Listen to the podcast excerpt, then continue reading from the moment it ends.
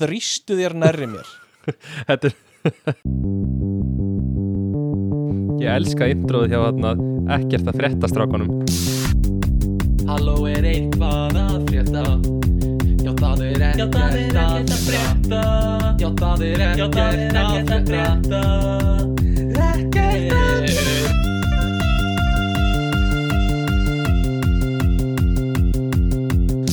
líður eins og svona Núma Núma gæðanum í hana fræga myndbandur á YouTube þegar ég dansa við introið okkar alltaf. Já, hérna, mást ekki eftir þetta er svona frægt myndband. Núma veit- Núma, ég þú veist hvað lagið veit- er? ég veit hvað lag þetta er, já. Já, en ég bara, ég, mér líður eins og ég sé þessi gaur þegar ég er að dansa svona.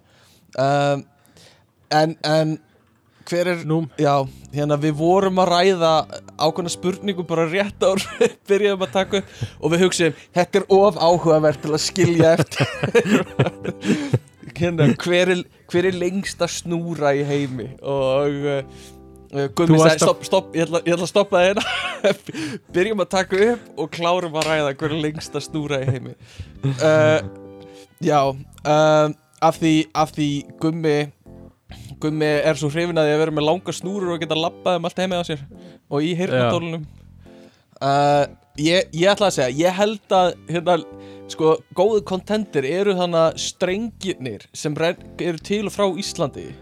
Já sem, snúrur í heimi. Já, já, ég er ekkert vissum að sé m- mikið að sæstrengjum sem er eitthvað mikið lengri sko. En uh, þú veist, hvað, sko Hvenær hættir eitthvað að vera snúra? Já, þetta er, þetta er spurning sem heimsbyggingar hafa verið að spurja sig að í áraræðir hvenar er eitthvað snúra og hvenar er eitthvað uh, strengur? Um, uh, Ætlaði sé ekki í kringum uh, hérna svona þrjá sentimetra þygt. Eða ekki, eða hvað? Þrjá sentimetra á þygt? Já, ég meina svona þykkar, þetta er alveg snúra svona þykk, Já, þá hættir það að vera snúra já, og verður eitthvað annað strengur eða kapall eða eitthvað. En þetta eru Ég- stóru spurningarnar skilur sem við að, já Já, mér líðin svo sér óþygt, sko. Já, Ég myndi einmitt. segja sentimetr Ok, ok, þetta er svona eins og eins og tippastærðir. Þú veist, sentimetr er fínt í þygt en of me meira er það var ofþygt sko. já. Þetta er snú, snúrulögmálið uh, í tippastærðum. Um, hérna vilt þú kynna þáttinn í dag? Uh, hvernig væri það? Ég var að hugsa um, sko við eitthvað að vera að kynna hana? Nei, byrjum bara. Ég hérna var með hugmynd sem ég langaði að bera um þig. Uh, og þetta er líka svona svolítið til hlustenda. Er hérna mér langaði að vera með svona hróshotn hjá okkur í þættinum og mér langaði að fá hérna, hlustendur til að tilvefna fyrirtæki og svo myndum við að ég búa til svona formlegan post og senda á fyrirtækin með hrósi fyrir hönd hlustenda ekkert að frétta og lesa svo upp svari frá fyrirtækjunu hvort það væri bara já takk, ok, eða bara hvort það væri hunds eða að við gætum svona, skila góðri orku út í samfélagið hvað finnst þér um þetta? uh, Af hverju myndum við skila góð orkun okkar til fyrirtækja? Já, til einstaklinga, heyrðu það er ennþá betra þetta er, þetta, þetta er góð punktur, ég veit ekki okkur ég pældi ekki því. Já, tilnefniði einstaklinga og við sendum á þá post frá ek, official ekkert að frétta netfangin okkar og Bréfpóst. gefum þeim hrós. Nei, Mm. brefpost Nei, eða þú veist Ok, en þá verður hann að koma frá Hollandi Það er, það er skemmtilega Þá verður þú að senda hann.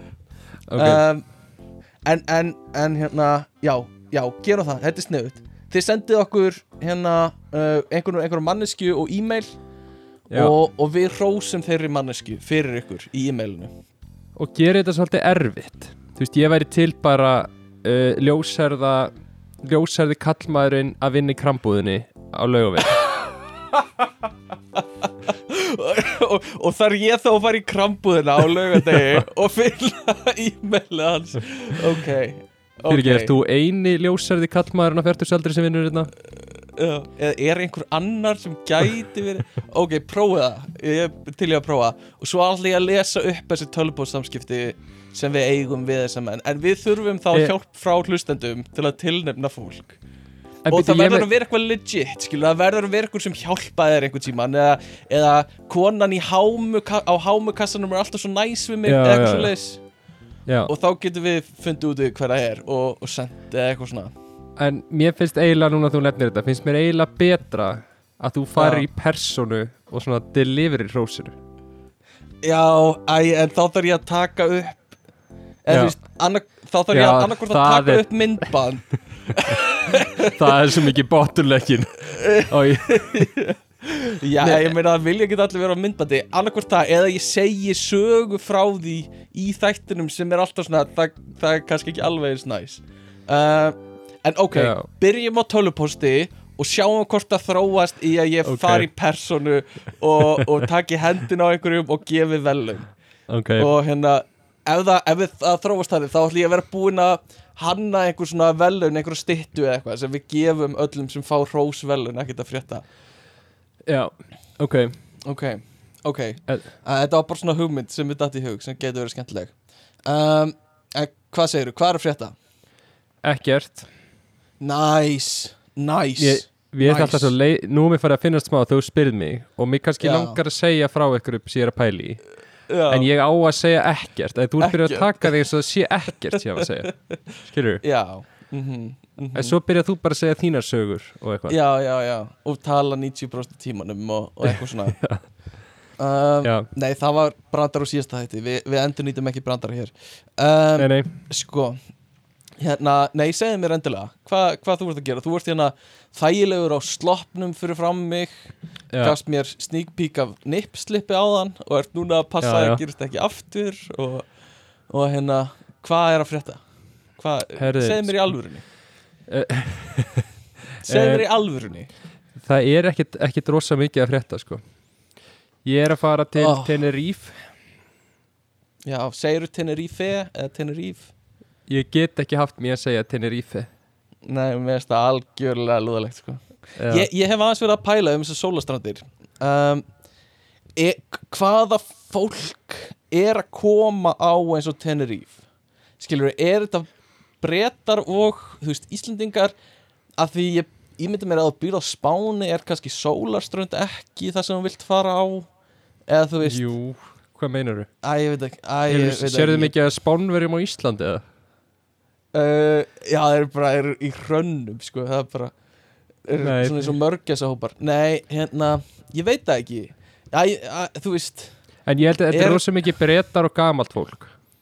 Já, já, já, já, já. Einmitt, frá öllum þjóðöfnum Já, Þjóðverjar, svona mið, mið Evrópa er, er svona, er þetta Evrópustæðurinn til að fara á, Tenerife? Já, já, ég held það. Og, og bandarækjumenn fara til Flórida eða eitthvað Til Já, að taka út sitt, sko Ok, ok Þetta er svona, þetta er svolítið Þetta er svolítið svona shameful staður fyrir mörgum að fara á mm, mm -hmm, mm -hmm. Þetta er svona, þetta er svona, ah, ætlar þetta Tenerife Já, já, já Ertu búin að Ég finna var- út í hverju þú ætlar að ljúga að fólki og sérst að fara? Þú veist, í menningaferð til eitthvað Ég ætla að segja að ég Já, ég var í Nepal í fjallgöngu. Já, já, að svona hugliðslu Já. fjallgöngu einmitt, einmitt, einmitt. Þetta já, og þú verður svona aðeins að svona vinna aðeins svona background vinnuna bakviða og vera með á hreinu þú veist, hvað hva tungumál fólk talar þarna og eitthvað svona. Já, ef fólk spyr þig. Já. En, ok, Mjög Tenerife. líklegt að fólk vita ókslega mikið um það. Já, já, það eru allir, það eru fara að googla og opna og byrja að spyrja þig svona kvissa þig um þetta sko til þess að vera viss. Um, Nei, ég- mér meira Já, ég er bara mjög spenntu fyrir því að fara og sko, þú veist, að ég ætla ekkert að vera að gera neitt, skilur Nei, Nei Ég ætla bara vinna. að chilla Nei, nei, ég Já. er í fríi og ég ætla bara að vinna Nei, ekki vinna, ég ætla að chilla Já, já, já, og hérna, já, og gera ekki neitt, sko já. Það er bara mér plan, ok. ég ætla bara að sitja, þú veist, við strönd eða eitthvað og bara, Mhm. Mhm. sem er ótrúlega vannvitið, sko Já, það er það sko Ég bara, ég finn það sjálfur Ég tók ekkert sumafrí og þú veist, þó að vinna mín er ekki eitthvað mjög intens vinna þá er það Nei. bara að taka ekkert frí er alveg bara svona þú veist, það Já, já. er mjög dreining sko Það er það nefnilega mm -hmm. Þannig að ég er mjög spenntið fyrir því að fara bara í alveg svona Já. shameless frí þess að ég get lift mér bara að sitja og borða og drekka mér Mhm. Ekki segja lesa mósur bók, ekki segja lesa bók Já, ok og lesa bók. Er ég byrjað að lesa bók líka vikunni? Vá, ok Þetta er nú það- ekki svona Já, er það ekki nýtt, er það Nietzsche eða þá getum við kannski rætt aðeins um kenningar Nietzsche og... ég veit, ég veit hvað þú ætlar að segja já. Þú ætlar að segja, er það sjálfsjálpar bók? já, já, já, já, já, Já. Vissi það, við erum leiðilegur Er það Vinurinn. sjálfsöpabók? Vinnuðinn, þú veist, hann er að reyna betrum bæta sjálfan sig sem er eitthvað sem þú græðir á líka mm, mm, Já, já, já og þú hefur ekki gert annað en að láta hann heyra það fyrir að lesa sjálfsjálparbók Alls ekki, ég dái staðir Guðmundur, ha, við veist það æðislegt. Og svo um, byrjar þau bara með stelpu sem að er ein sjálfsjálparbók Já, nei, sko. Já, nei, mér fannst bara svo gaman að ég veit ekki, lák, þetta hljóma svo leiðilega eins og ég sé algjör Nei, ég ætla ekki að segja það. Ég ætla ekki einu svona að segja það, sko. Uh, Sem meira frá bókininni mm um, Nei, ég var að lesa bók Nei, byrja bók sem heitir Anxious People Já. Og er sem sagt mjög áhugaverð svona eins og frásögn frá einhverjum Mhm. atvikum nema hún er sögð frá Mhm. sjónarhóttni sem að endur speklar kvíðan í öllum personum í sögunni Já, ég skil Þannig að þú fær sjónur hón allra og svona hvað þau eru að hugsa og þú fyrir hegðun og, Það er öllu líkst svona í dítelum skilur þú veist, þessi Mhm. gerir þetta út af því að hann finnur fyrir pressunni frá því að vera á þessu mm, aldri og eitthvað svona. En ég var bara að byrja, þannig að ég veit ekkert hvert er að fara. En mjög áhugaður bók og já, mm sjáum bara hvernig þið en allavega, rakka til að, hitta nýja gumma. Já. Nei, þetta er ekki sjálfsöpabók sko. Þú ert að minnskila Ó, nei, nei, nei, já, já, já Nei, Já. nei, nei, ég er að miskilja Ok, fyrir já. um, hérna, Já, eitthvað meira sem Já. þú vilt segja mér frá? Akkur, Mhm. já, nei, ég var með hérna aðra pælingu, ég sá trúðum daginn. Já, sniðugt. Tölum um það. Sniðugt. Sniðugt. Uh, Ég hef mikið, s- mikið að segja um það. Já, mm Já, mér er skott að mikið að segja það, ég hef margar spurningar. Sko, Ok. ég sá trúð Mhm. og byrjum á fyrst spurningunni sem ég hef sem er í fyrsta Mhm. lagi er trúðabransinn er, er Hann hann, er búminn. Hann er búminn. Það er eh, bara, þú getur ekki fara á götu á þess að sjá trúð. Og, ok, sko hérna, uh, Nei, sko, trúðabransin uh, er, er hérna svolítið svona undir menning í, í þessum, þessum kima menningarinnar. Uh, og, og þú sást bara legit með hvít andlit raut nef í svona skrýbótum fötum stórum skóm. Njá, ekki alveg sko. Hann var svona eitthvað svona modest málaður en með raut nef og, Mhm. og í Mhm. svona einhverjum svona, svona hvað kallar það svona smekkbuxur eitthvað. Mhm, mhm, já, mhm. Málið er, málið með trúða er Guðmundur Orri, ég get sagt það. Þetta eru rauninni tvær típur á trúðum. Það er annars vegar þessi sirkustrúður sem, sem grunar að þú hafi séð Svo er hins vegar svona leikústrúðurinn sem, sem uh, kemur bara, sem er mjög gamalt hugtak sem kemur bara frá Gríklandi jafnvel, skilur sem er einhvers konar svona alter ego af því sem leikarinn er að tjá, skilur og Ok. hérna og, og það er oft, sko, leikarar sem læra leiklist, eins og ég LHI fara alltaf í gegnum trúða þjálfun og þeir fæðast fæða trúðin sinn og, og jú, þetta er 100% satt. Þeir taka trúða áfanga og Nei. hérna, jú, nei, þetta er 100% satt. Og, og hérna, og eitthvað svona, þeir fara í gegnum eitthvað ferli og, og fara, ég held, ég held að þetta sé þannig að þú fer í gegnum hérna hópin af öllum samnemyndunum og kemur svo út á hinum endanum sem fættur trúður og átt að segja hvað heitir trúðurðin og allir eitthvað svona ég heiti bingo trúður eitthvað svona. Og þá er þetta eitthvað svona leið til þess að túl, túlka á annan hátt er þessi trúður. Og hérna mjög áhugavert. Svo, Guðmundur, er til eitthvað eins og í bandaríkjunum. Ég sé bara hvað áhuga leysið bara svona líður yfir skjáin er eitthvað sem er Clown College. Og hérna já, þetta er þetta er eitthvað sem má ekki gera grínað að þetta er bara, þetta er virt hérna uh, mentastofnun að þá fer fólk að læra meira svona svona, svona skrýpalegja trúða og læra svona leikalistir og hjóla og einhjóli og eitthvað svona. Ok. Ok, og þú hefur sennilega séð einhvern svona þannig trúð og Já, hérna, og af Myndirðu- hverju? Þú veist, að, hvað sagði ég sem að leta þig hugsa að ég hefði séð þessa típa á trú þeir ekki hérna ég bara, ég er svo næmur. Og hérna, ég bara og hérna uh, en, en trúða sko um, myndir þú fá einhvern sem að trúði í ammalið til dæmis, Nei, aldrei?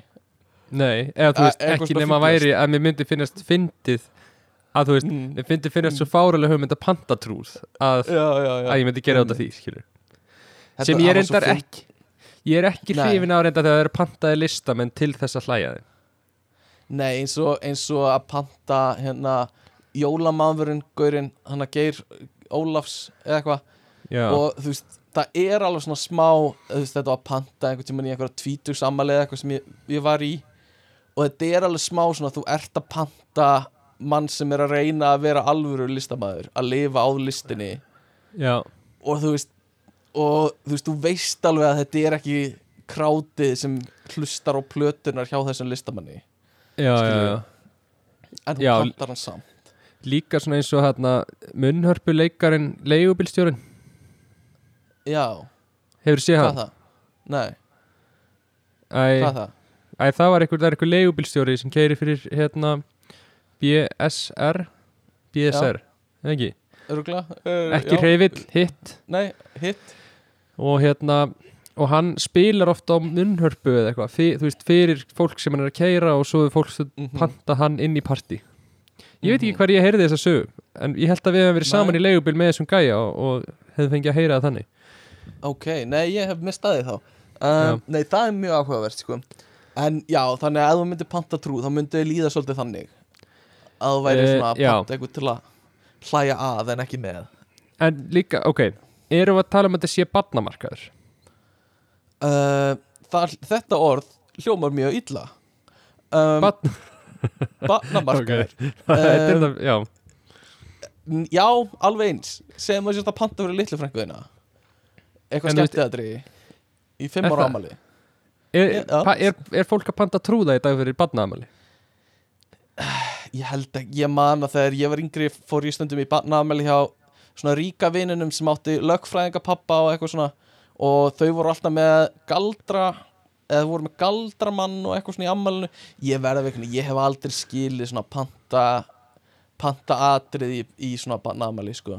Um, það er örgulega fínt og það lætur örgulega fóreldrunum líða vel með að halda gott ammæli en þú veist ég veit ekki, ég veit ekki hvort ég myndi nokkuð tíma að gera bara Varst því þú, já, þú- ég veit ekki, mér finnst það ekki spennandi varst þú svona krakki sem var alltaf ógeðslega efins út í alla galdrakalla sem þú sást í ammælum? Já, menn þetta er ekki alveg galdur. Svo þú með lofæland í dag? Já, þetta er svona sama típan og maður rekst á þegar ég var að leika jólasveina alltaf. Að hérna, þú ert ekki alvöru jólasvein. Og bara, nei, já, flott ymmi, það eru yngri krakkar hérna sem samt í alvörinu trúa því. Þannig að það gerðist samt sem betur verið mjög sjálf Sæður þér það? Nei, nei, ég maður bara svona hunsaði það og íttaði frá sér. Ítið frá sér? Já, fel, feldi þau og hrækti Nei, hérna Nei, maður bara svona hunsaði og hérna held áfram sko. Uh, En þú veist, það, það gerðist bara svona stökusinnum Yfirleitt, þetta er svona mjög spesifik aldur sem þetta gerist á Þess að þú ert orðin sko of gamall til að trúa jólusveinin Eða svona ert á einhverjum svona efins aldri Já, já, En ekki nógu gamall til að fatta að þetta er gaman fyrir yngri krakkana. Að, þú ert svona að uppgötva þetta og svona þú ert þú ert nýbúin að svona hmm, þetta er kannski ekki alvöru eitthvað svona og þú þarft að sína öllum að þú vitir það. Og, og það Mér er svona þessi aldur. Já. Mér líður eins og ég sé að nálgast klálega svona setna stíði þessum aldri. Já, emmi, þú ert alveg að komast upp í það. Já, ég er alltaf að skilja aðeins meira já, þú veist, ennþá svona þegar jólasinni kemur þá segir alveg við hann þú ert ekki alvöru jólasin en kvíslar það bara við hann. Er, það að segja mig það? Já, já, já, já. Ég hleyp ekki jólasein inn til mín nema ég fá að tói í skeggið sko. Já, já, já, ymmit, ymmit, ymmit uh, Nei, það er líka bara gott uh, bara húsráð fyrir alla, sko. Ekki hleypa neinum inn til þín nema þú fáir að tóki skeggi, sko. Að þú veist aldrei, skilur við Já Hvarlaði aldrei að þér að lita skeggjaður Veistu, ég hef heyrt þetta ég heyrt þetta mjög oft, sko. Það sem ég rakaði mig yfirleitt alltaf í desember bara.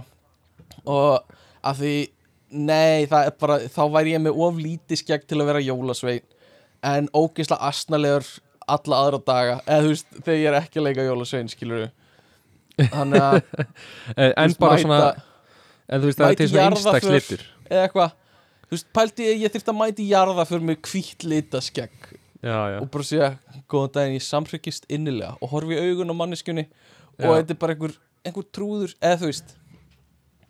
Allavega, ég veit það ekki. Allir að kvísla svona Æ, þetta er æ, hann er jólasinn þessi. Já, já, já, Hann er að gangi gegnum jólasinn tímabil. Já.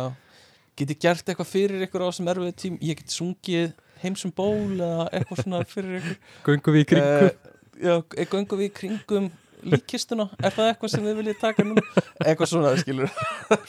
Þannig að, að hérna, mæ, Mæta fyrir utan jarða fyrir svona banka á gluggana.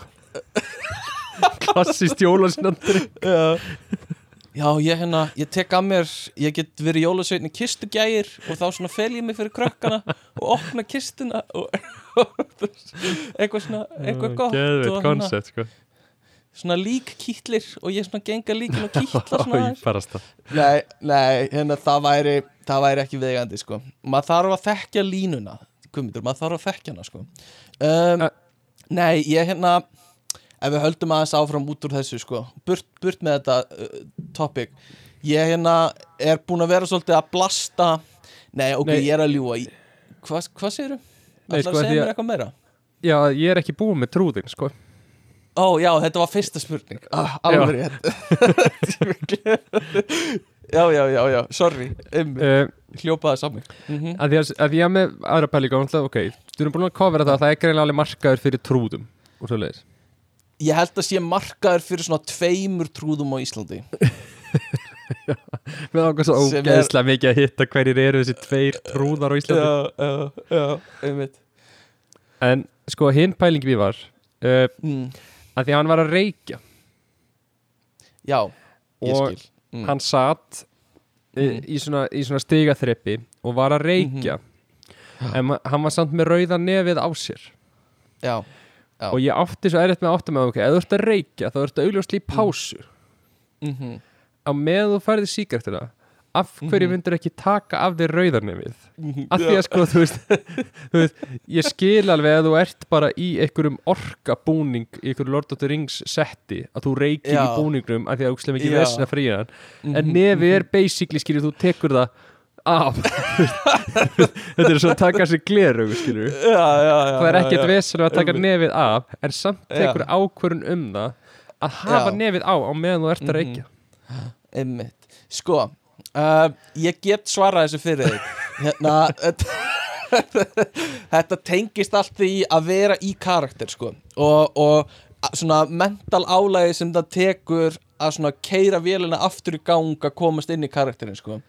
Um, Þetta er bara eins og þegar ég var jólasvein, vissur, ég var eins og jólasvein skilur þá um leið og skeggi kom á þá varstu komin í karakter og, og það er alveg svona smá vinna að trekja sig upp í það skilur og ef þú ert þú veist, í staðan fyrir að fara úr karakter og svo í hann aftur þá bara svona leiður nefn að vera á, reykir þína sígarettu og hérna borðar þitt hérna slátur og svo ferði aftur og, og heldur áfram að trúðast sko.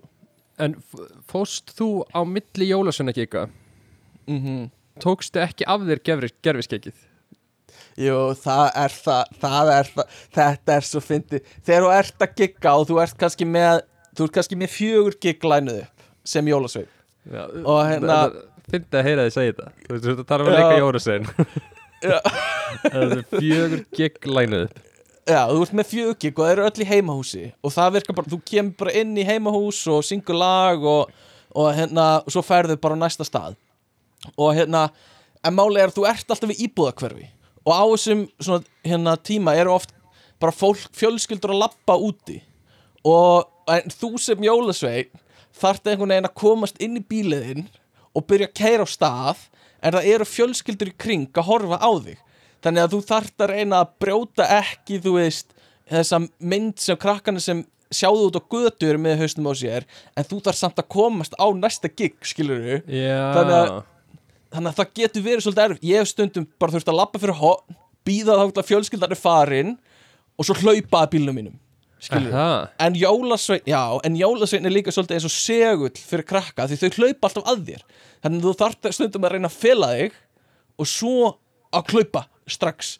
Og og stundum eru foreldrar að fatta þetta skilur og bara svona koma og, og draga krakkana sína í burtu skilur þau fatta að, að jólasveinin er í vinnunni uh, en hérna en stundum eru fóldrar bara já, segðu hæ, eitthvað, farðu og segðu hæ.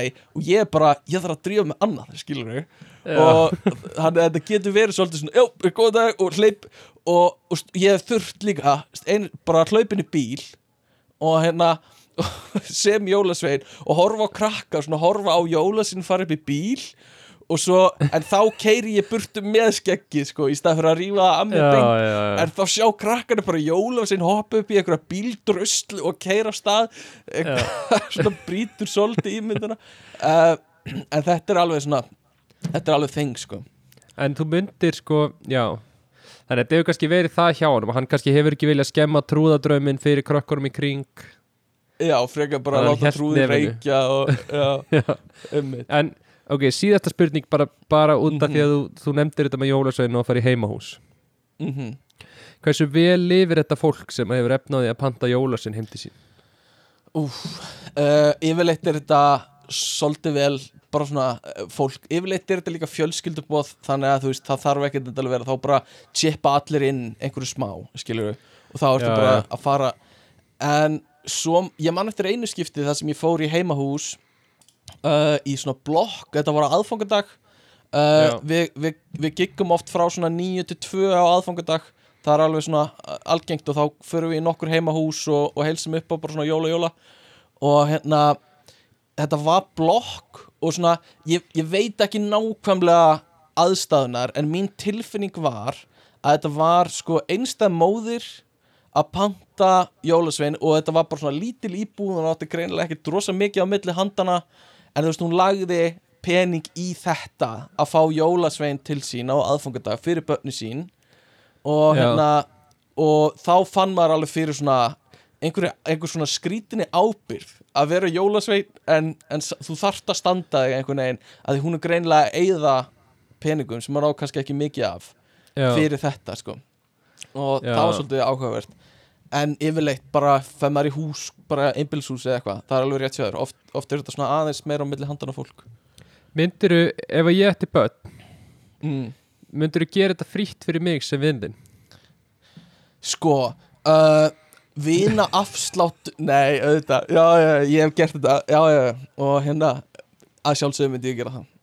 Ég hérna hef alveg gert það sko fyrir fjölskyldu og eitthvað svo leis það er svona aðeins þú, þú, þú átt ekki ef þú tekur aðeir einhver svona private gig þá áttu ekki að rukka fyrir þig er svona óskrif eða bara það sem þau segja við þig í rauninni þegar þú byrjar að vinna hjá svo jólusinu þjónustum uh, Þú fer í gegnum þjálfunna Já, að þú veist, ef þú tekur private gig þá er allt lagi að gera það fyrir fjölskyldu og svona nána vini en hérna ekki, ekki vera að taka önnur gig og, og rukka fyrir þau með búningnum sem við erum að lána, eitthvað svona skilur Já, já, um, en hérna, já, ég að sjálfsög maður gera það fyrir vini sína, sko Ok. uh, uh, er, Þú veist, bara fyrir ykkur júli eða vil ég fá mér næstu jól um, ég, ég myndi hafa mjög gaman að því ég veit ekki hana, en Já, mér svona já. þú veist, mér líður eins og ég þurfi samt deila batt til að, þú veist, já, hafa ég myndi hafa meira gaman að því mhm, að mhm. fá þig ef ég ætti batt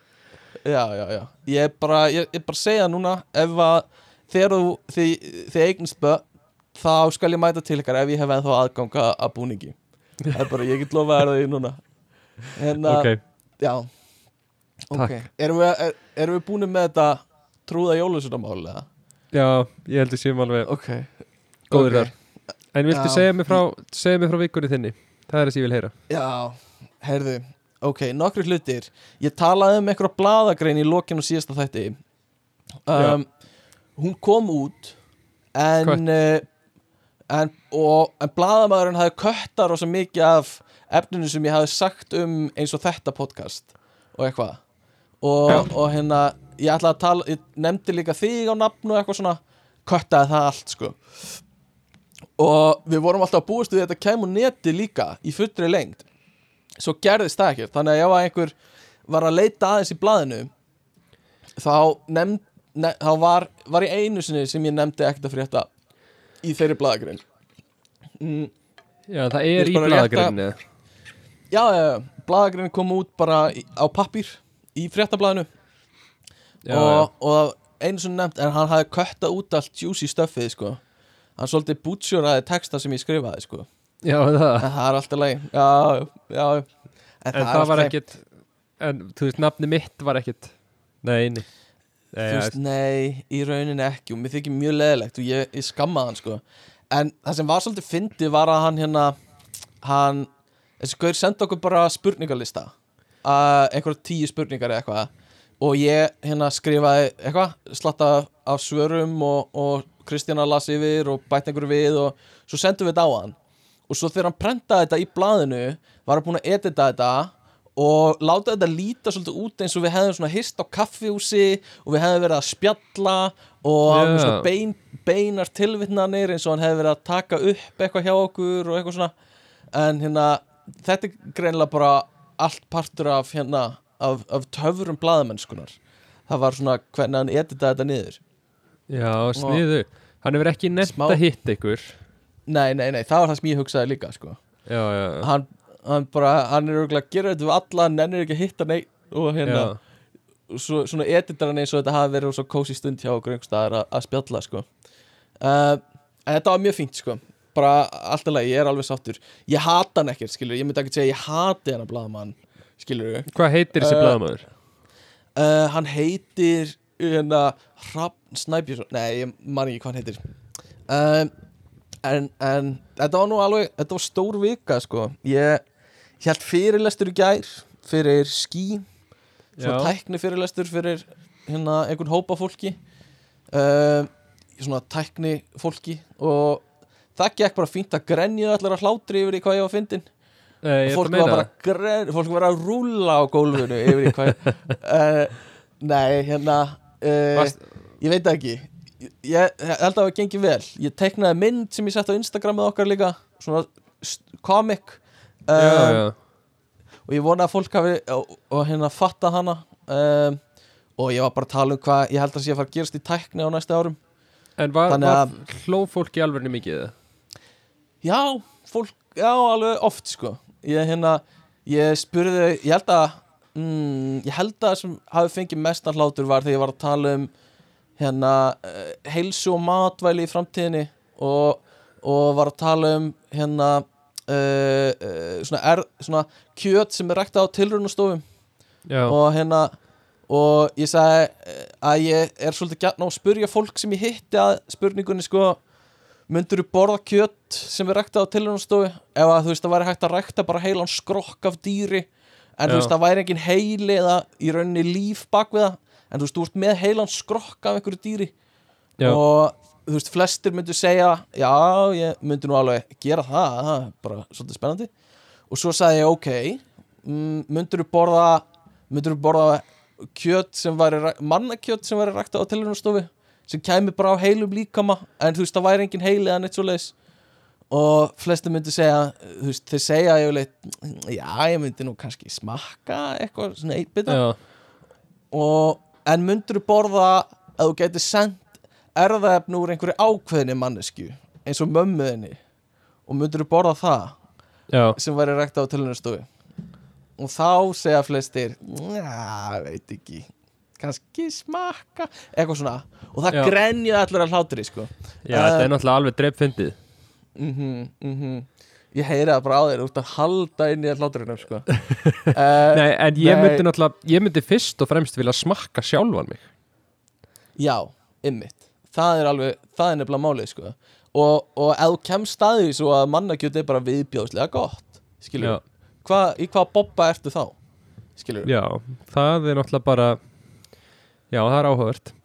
Ef þú kemst að mannakjöt er bara besta kjöt sem þú hefur smakkað svo fer fyrirtæki á hausin og hættir að framlega það. Og þú ert Já. bara ennþá að kreyfa þetta mannakjöt sem að smakkaðir einhvern tímann.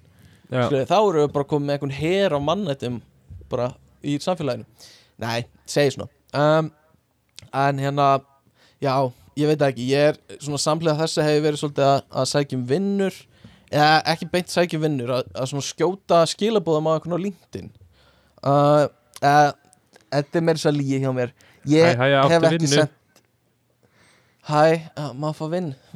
Viltu vera að mig?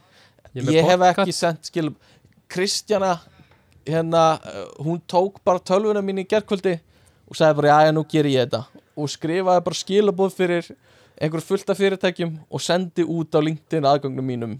Já, er það? já, svo var ég að skoða það núna í dag og sá að hún hafi sendt út á einu staðinu sko uh, Sæll Unnar til einhver sem hétt Unnur sko. Nei, gjörsanlega búin að sko búin að rífa niður mannorðið mitt á LinkedIn í gegnum þetta.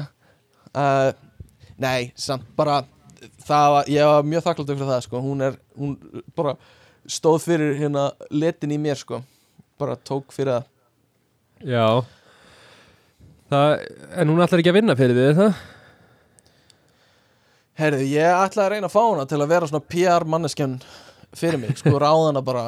En hún sagði Já. eitthvað svona að væri að, væri eitthvað skrítið og, og að við værum par og eitthvað svona sem ég bara skildi ekki alveg skilur mér finnst bara mjög eðlilegt að fá svona manneskjus til að vinna fyrir uh, ég sammála því. Nei. En, En- það er svona þetta er svona búið að vera stór vika sko. En voru ekki einhverju hákallar í salnum sem voru að grænja úr hlátri við hérna á þessu? Jú, jú, það var alveg það voru stórnöfn sko. Það var þekktur listamæður í salnum sem eh, listamæður Já, og ég nefni ekki nöfn en manneskjan er núna búin að sko senda mér vinabeini bæði á LinkedIn og Facebook. Þannig að Já, er hver veit hvað hva, eftir hennar fyrirlistur hún fannst í greinilega svona skemmtilegur. Hvað akkur Eh, nefnir ekki nöfn? ég veit það ekki.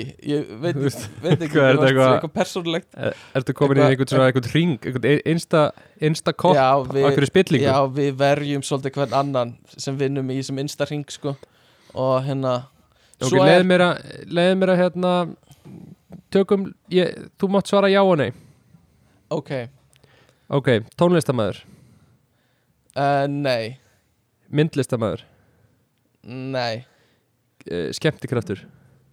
Nei, uh, leikari, nei. Spurði hvort Eh. sé hárgreislu maður hárgreislumæður nei, dansari. Nei, Þetta er ekki tónlistamæður, ekki leikari Þetta er ekki málari, þetta er ekki dansari Ekki myndlistamæður nei. Hvað er ég að gleyma ykkur um alveg krúsjál Já, þetta gleymaði alveg svona mjög stóru stóri lista hérna típu sko. Aha, uh, Já, já, nú já, við. Já Nei, ég trúi nú. ekki. Býtu, hvað, hvað er ég að gleyma? Já, Mm. hérna, rithöfundur. Já, yey Ok, skáldsögur. Ég, ég satt best að segja veit ekki hva, hvað við komum til höfskrifað Nú er hann alveg það frægur? Hann, hann, hann, er, hann er alveg það frægur að fólk bara veit ekki hvað hann hefur gert sko. Ok, er hann hérna kallmaður Já, ég veit uh, ekki hvaða leikur þetta er sko. Að, hvað, hérna Hvað minnur þið? Já Eða þú veist, erum við að fara að klára Eða þú veist, erum við að fara að klára þennan leika? Já, klárum hann alveg. Ok, fæn Er hann jafn, jafn gamall við? Nei, Er hann eldri við? já, Hann er íslenskur. Ekkert mikið samt Já, Þú er aldrei lesið bók eftir hann? Nei. Þetta er náttúrulega quality content sko. En er þetta Hvað veist þetta leðilegt það? Nei, nei, alls ekki, ég veit ekki Nei, við getum alveg sleppt þessu sko. Nei, nei, nei, nei, nei. Ég, Mér finnst bara eins og þú sért að googla hver þetta er. Að Það er ekkert þannig sé erfitt að finna út hver þetta er sko ef maður googlar það. Um, En hérna Þetta var mjög skemmtilegt sko. Og svo er svo er improv sýning hjá mér í hérna á lögadaginn mögulega. Ég veit ekki hvort ég er að fara að hérna sína en, en það er svona party impro síning á lögadaginn klukkan tíu.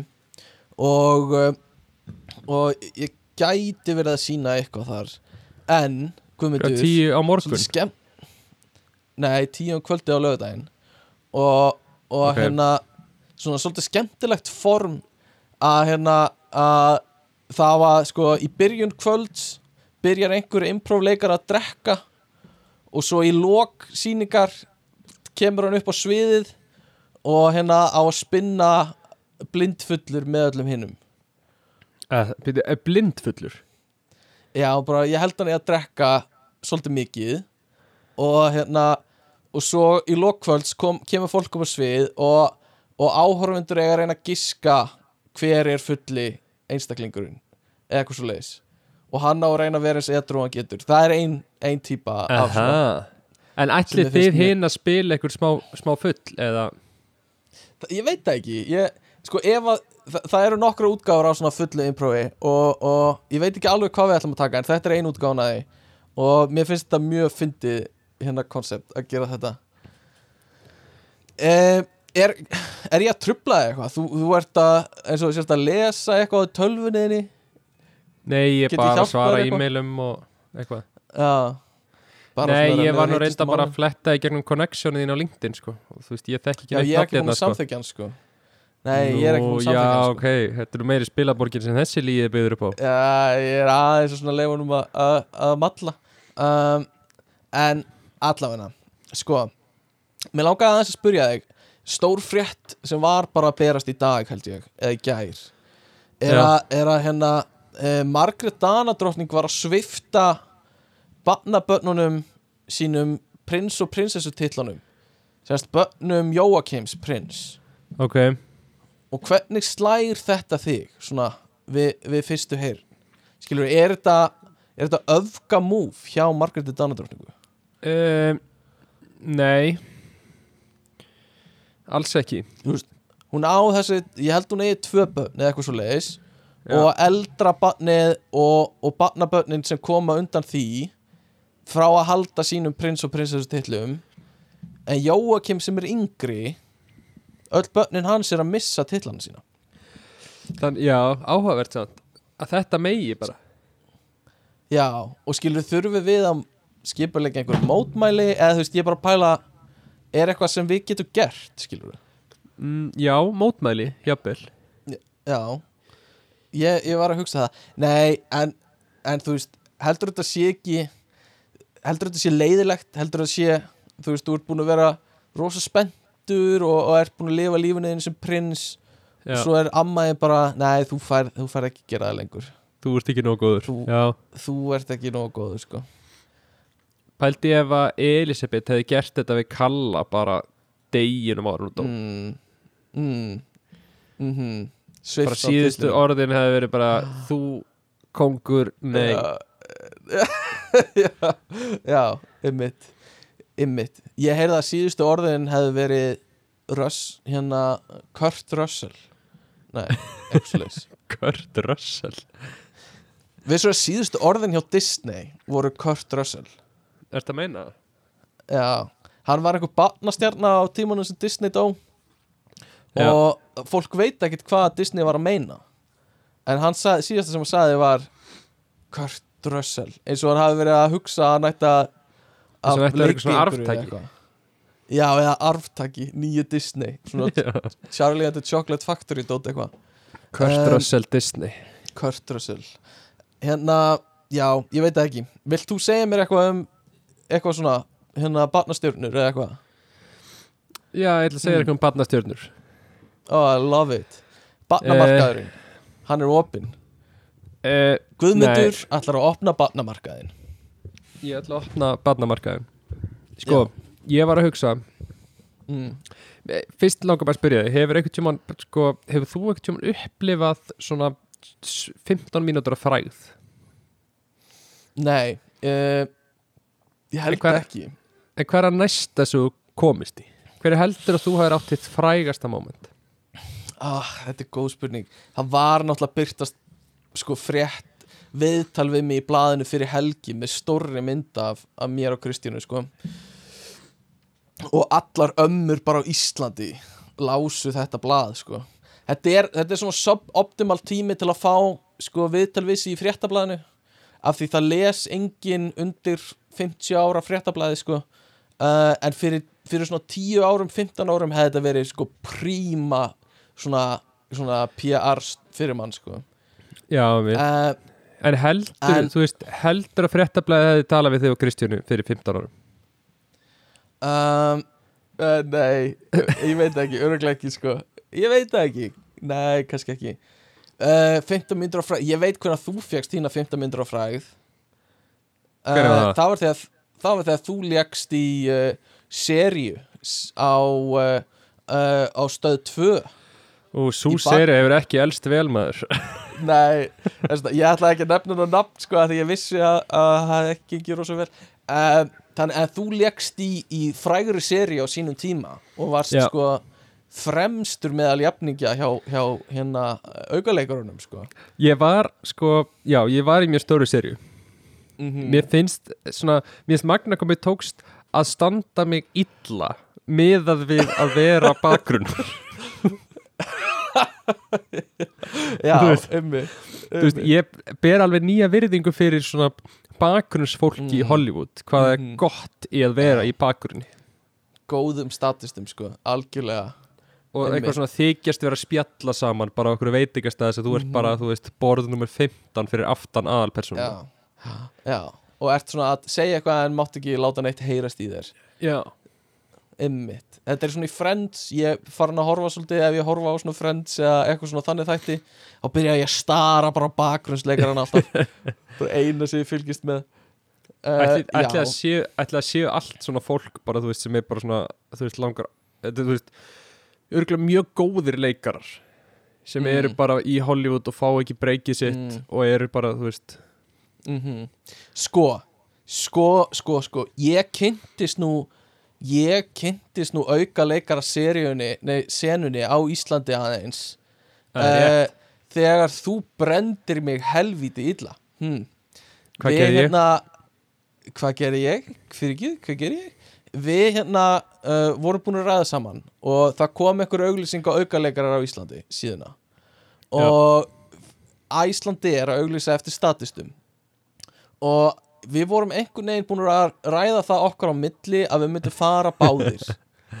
Í, í þessar tökur, ég held að vera einn eða tveir dagar á tökum og, og við eitthvað, já, ok, skráum okkur, við erum að senda post og ég sendi minn post samvinsku samlega með nafni og kennitölu já, og svo kemur bara í ljós að Guðmundur hann sendi bara ekkert sinn post nei. Og uh, hérna og það enda með því að ég þarf að fara einn. Uh, að keira til Keflavíkur í einhverju rútu með Já, fullt af fólki og leika hana í, í heila daga, tvo heila daga. Þetta er svona á svipuðum tíma og uh, við ákvaðum að fara saman á, á útgáfu tónleika Úlfur Úlfur og kaupa miða og Já, ég já. kefti mína miða samvisku samlega og hérna í stúkunni í gamla bíó og var að býða eftir að vinur minn Guðmundur myndi kaupa sína miða og svo kemur bara á daginn að það eru uppselt þegar Guðmundur loksins drullast til að kaupa miða þannig að ég þarf að fara einn og sitja einn einhver staðar á tónleikum að hlusta á, nei allavega ég hérna ég, ég fer í þetta hérna þetta er, þetta er stór svona stórt samfélag aukaleikar á Íslandi. Já, já, þegar ég fór í þetta. Og hérna og þau þekkja hvort annað. Uh, þau, eru, þau eru svona kollegar þau eru með allt, öll protokól sem þarf að gera á hreinu fyrir fyrir greinilega au, aukaleikara tökur sko.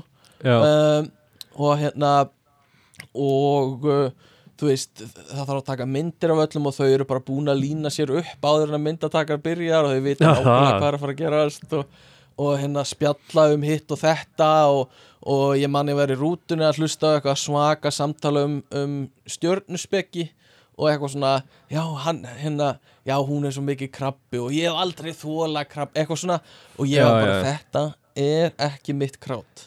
Fullur verðingu og hérna og það var svona hýrarkía. Þú veist, það voru svona þessir gömlu, vöndu aukaleikarar sem svona þekktu businessin og mættu með sínar smurðu flatkökur og vissu hvernig þetta var og svo voru hinnir sem, sem, sem voru nýjir og kunnu ekkert sko. þannig að þetta er, þetta er algjör svona þetta er algjörlega eitthvað svona sem er hérna uh, uh, já, bara sena sko, þessi aukaleikarar sko. Já, ok. Og var þetta, en var svona, var fólk eh, þú veist, voru þetta sleikjur voru þið svona að reyna að komast nær einhvern veginn leikstjóranum og kannski eða, eða annað? Já, Ég já. myndi mér að þú ert, þú veist, aspiring leikari og ferð eitthvað svona ó, aukaleika hlutverk mm. Aukaleikara auka, hlutverk aukaleika hluti að þú svona, svona reynir aðeins að svona ofleika þitt hlutverk til að fá aðtegli Já, já, hérna Já, og svo þegar hann kemur inn þá eru allir rosa hissa og þau bara, hérna, ok, þetta er mitt big break, hérna komið, ok, action. What the fuck? Eitthvað svona. Hérna uh, ég, Nei, já, jú, jú, það er náttúrulega um, hún var þannig hún hérna hvað heitir hún nú aftur, Guðni Marja sem var að gefa út lög á YouTube ef einhverju mun eftir því. Já, uh, já, hú- hún var svolítið virk þannig á þessum tíma held ég aukuleikara grúpunni sko um, og uh, þetta er svona, svona þetta er svona þetta er svona fólk sem, sem svona daðrar við fræðina sko. Og, og er, ef þú rýnir í bakgrunnin á þáttum þá eru þau út um allt sko. Og Og- hérna og vilja vera alvöruleikara sko. Þau stopniði líka leikhópin X uh, sem glöggir hafa séð á Facebook uh, og hérna og geta bara svona fundið út hvort að, hvort að það séu húmor fyrir þau, þau sko. Um, en hérna þetta er, þetta er rosa áhugaverð sena þessi aukaleikara sena sko. Já. Já, ég get ímyndað með það. Mm. En e, þannig að þú heldur samt að þetta hef verið Sko, ég held í veist, ég myndi grípa þetta aukaleikaratæki fara alveg um leið núna, sko. Er það? Ég, ég held að þegar við ætlum þetta saman þá hef ég verið í svona minni fræðarvímu já, og einhvern veginn ekki áttam á því hvað símir myndi hætt að ringja einn daginn. Já, einmitt, einmitt. Nei, Þannig- nákvæmlega sko. Og hérna uh, svo hættir hann að ringja sko ég maður hefur nú tekið eftir því. Myndur þú segja myndur þú segja myndur þú segja að þú hafi verið einhvers konar barnastjarna á síðasta árinuðin í MR Nei, sem eitthvað svona eitthvað svona seleb innan MR nei, nei. Alls ekki. Nei, ok. Ég svona ímyndaði mér að því þú varst í bingo sko að það væri svona þitt helsta að svona þú, gætir hafa verið stór innan MR svona kreðsunar Svona bak við tjöldin fólk. Og þau allir Já. fylgjast með. Já, en náttúrulega allir lesa kreditlistan og sjá nafnið þitt sko. Það er alveg hjút sko. Jú, jú. Já, já, ég var svona alveg ég var nú eiginlega svona aukaleikar ég, var eiginlega bara í svona aukaleikarahóp. Já, nei, láttu ekki svona. Þú ég var svona, ég, ég fæ að vera á setti og með í herbygginu og svona en var svolítið svona bara til hliðar. Fekk stundum Nei, að halda myndavelni ha, Þú varst nú alveg númer tvö þannig í öllu sko. Þú hérna. Þú varst nummer þrjú. Æjæjæj Já, um, nei, ég skil ekki Nei, ég myndi ekki segja að ég hafi nokkuð tíman daðrað við neina fræð, sko. Á engan Já. hátt. Ég hef aldrei Nei. átt eitthvað svona viral video innan íslensku senunar eða eitthvað svona Adolf Smári verður kjaft stopp eða, eða eitthvað svona Milið alla vefla, eitthvað svona. Skilur, bara ekkert, þannig, sko. Já. Einmitt. Nei, en fyndið að þú sko nefnir það bara gefur að nefna það Já, að því að ég fór Mhm. nefnilega aðeins að leita fólki og hugsa hvar er það í dag. Áhugavert. Mm og þessi maður er einn af þeim sem ég hef lengi pælt. Já, ánægð með þig. Hvað varð um Þetta þennan mann? Hvað varð um Milið alla vefla? það bara gegn bara veppa Mm þetta er sko, að því að það er mjög áhugavert verið sögu. Það er, finnst ekkert Mm. rosa mikið um hann en þessi maður hann sko hann fór frá landi. Og það var einhver umfjöllun og viðtal við hann. Alveg rétt. En hann hefur bara búið á Íslandi í tvö ár eða eitthvað sliðis Ok, og, og hérna hann, þá var bara innan þess að tveggja ára þá fer hann í bandið að spuppa og, já, og tekur þátt í þessu og lendir í þessu viðtali og segir eitthvað sem er, þú veist, er ógeðslega fyndið. Já en er En líka alveg mjög líka- skiljanlegt. Já, líka það, þú veist, þetta er líka bara svona, þú veist, Mhm. þú bara mismæltir þig á, á bara versta tíma. Og þú Já. veist, Ég ger þetta alltaf. Ég, ég bara, ég ætla, ég var með þess að daðra við að tala um þetta núna í dag. Ég var bara í sundi á þann Hitti strák sem var með grunnskóla Spjallaði eitthvað aðeins við hann. Þetta gerist oft, sko Og, og svo er samtalið komið út svona Þannig að fara aðeins að deyja út samtalið Og maður er svona, já, já, já, já, mm já. Mm. og, og ég á alveg til Að svona segja svona eitthvað svona hálf orð, eitthvað svona blöndu eitthvað sem gæti verið orð og svo bara eitthvað svo hljóð. Og ég sagði á þann við gaurinn þegar ég var svona já ok, sjáumst, eitthvað svona. Þá sagði ég uh, um blála eitthvað, s- og ég sagði bara bókstaflega þetta. Já, bla bla bla. Og, og svo labbaði ég bara í burtu og hugsaði þetta hljómaði ekki eins og venjuleg manneskja. Eitthvað svona þannig að ég skil rosalega vel að lenda í bara svona aðeins að mismala sig að missa út úr sér. Og hérna, en það er alveg fyndið. Það er bara verður að viðkennast já, þú, ég veist, það er fyndið. En Mhm. þessi grei maður var bara búið á Íslandi í tvö ár. Þú veist, er alin upp eitthvað starf annar staðar?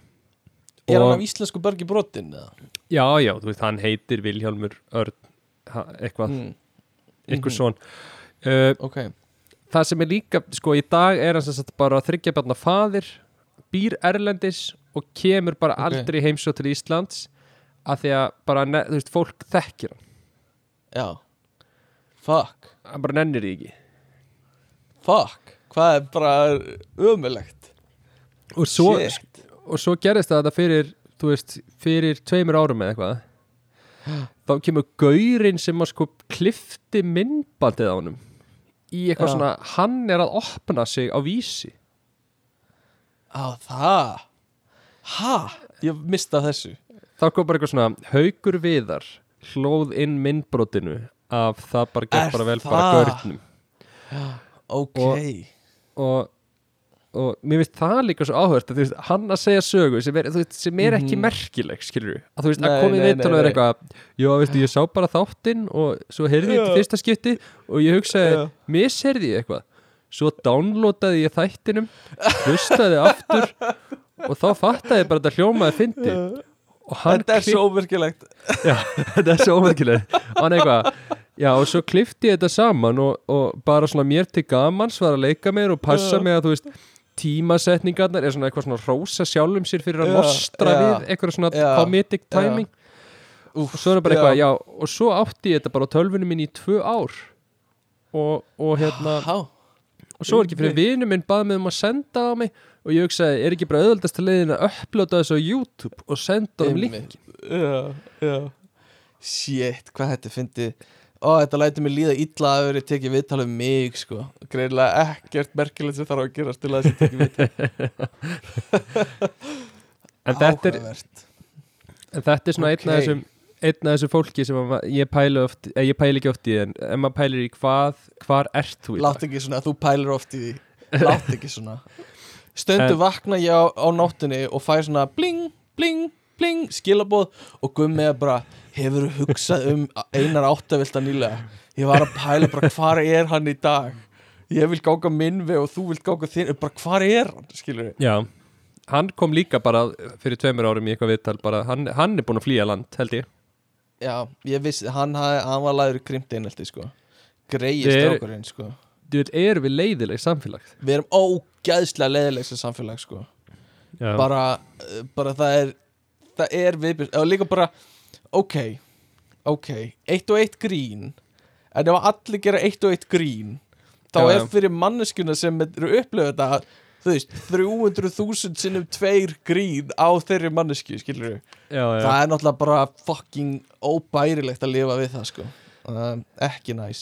Og það er ekki svo Uh, farir eitthvað annað á Íslandi til að losna frá því Nei, nei, nei, nei Þú flyttur ekkert til Selfoss og allir bara uh, Já, hérna hver- Hvað Hvað er hérna spöggstofan?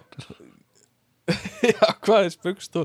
Við erum með allt annað menningarheimin á Selfossi sko. Það er bara vöflur og nakkar hérna sko. eh, Nei, hérna, ég ætla að fara að pissa, ég kemur smá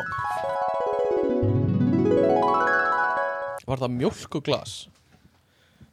Nei, ég var Var það glasa mjólk? Ég var að hella mér í einn leffi Það varst að sturta leffi í glasi Já, já, já, já, mikið fróða En gaman. Hvar voru við? Við vorum að tala um uh, hérna, Millir Ádlan Verblað gæn hérna, ótrúlegt að þetta sé nafnið hans. Hjá öll, nánast öllum Íslendingum. Já, já. Uh, Já, allavegna Hann heitir Vilhjálmur, segjum það. Við vorum að tala um Vilhjálm, heitir hann ekki Vilhjálmur? Jú, Vilhjálmur Örn. Já, við vorum að tala um Villa. Já. og, og hérna Já, ba, já Já, áhuga Já, já. Hvað er hann núna? Áhugavert. Nei, Eh, nei, mér fannst það í alvörinni Já, já, einmitt. Nei, mér fannst það. í alvörinni, Guðmundur. Nei, Guðmundur, mér fannst það í alvörinni, sko. Herriði, annað svona dæmum fólk sem að kemur upp á uh, sko að mér er stöldi gaman að sko íslenskt fólk. Að því að þú veist að því að þú ert einhvern veginn við finnst allt sem þú gerir frábært. Mér finnst Eh, líka.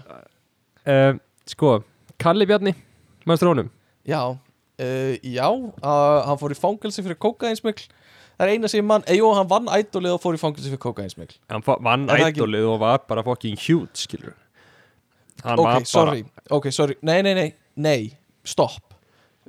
Hérna, sorry. Uh, Hérna ég, ég var ekki með stöð 2000 tíma. Þannig ég upplýði ekki kannski nákvæmlega hversu hjúts hann var. Þú getur uh, En var hann hjúts? Já, þú getur ímyndaðir randver í spaukstofinni Ok, Fyrir ok, fólk með relatable tvö. fyrir mig.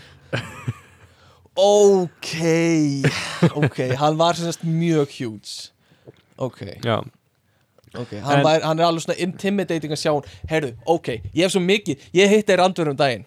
Fyndið á nefnir það. Nú. Hann var í, Ég var í Bíkó að kaupa hérna alls konar fyrir þegar ég var að stúsast í íbúðinu minni ég, sagði, ég held ég að tala um þetta um daginn já, kemur randver ekki inn og hérna og hérna, ég, ég ber mikla verðingu fyrir þessu manni og ætlaði að kötta í röðina og fara fram fyrir mig. Nei. Og hérna og, og afgriðslumæðurinn stoppaði hann og sagði blessaði vinnur, þeir þekktu skreinilega hérna uh, kíktu bara röðina og svo talaði ég við það eftir. Eitthvað svona og hann eitthvað, já, ó, aðsjáls, einmitt, ekkert mál. Og hérna, og fór Ertu á að eftir mér meina? röðina. Þetta var ótrúlegt, ég er að segja þér það þetta er svona eins og fyrir einhver í bandaríkjanum að hitta Beyoncé og, og hérna sjá hann að panta kaffi sitt skilur við, er, þetta er bara Er- mögnuð upplifun.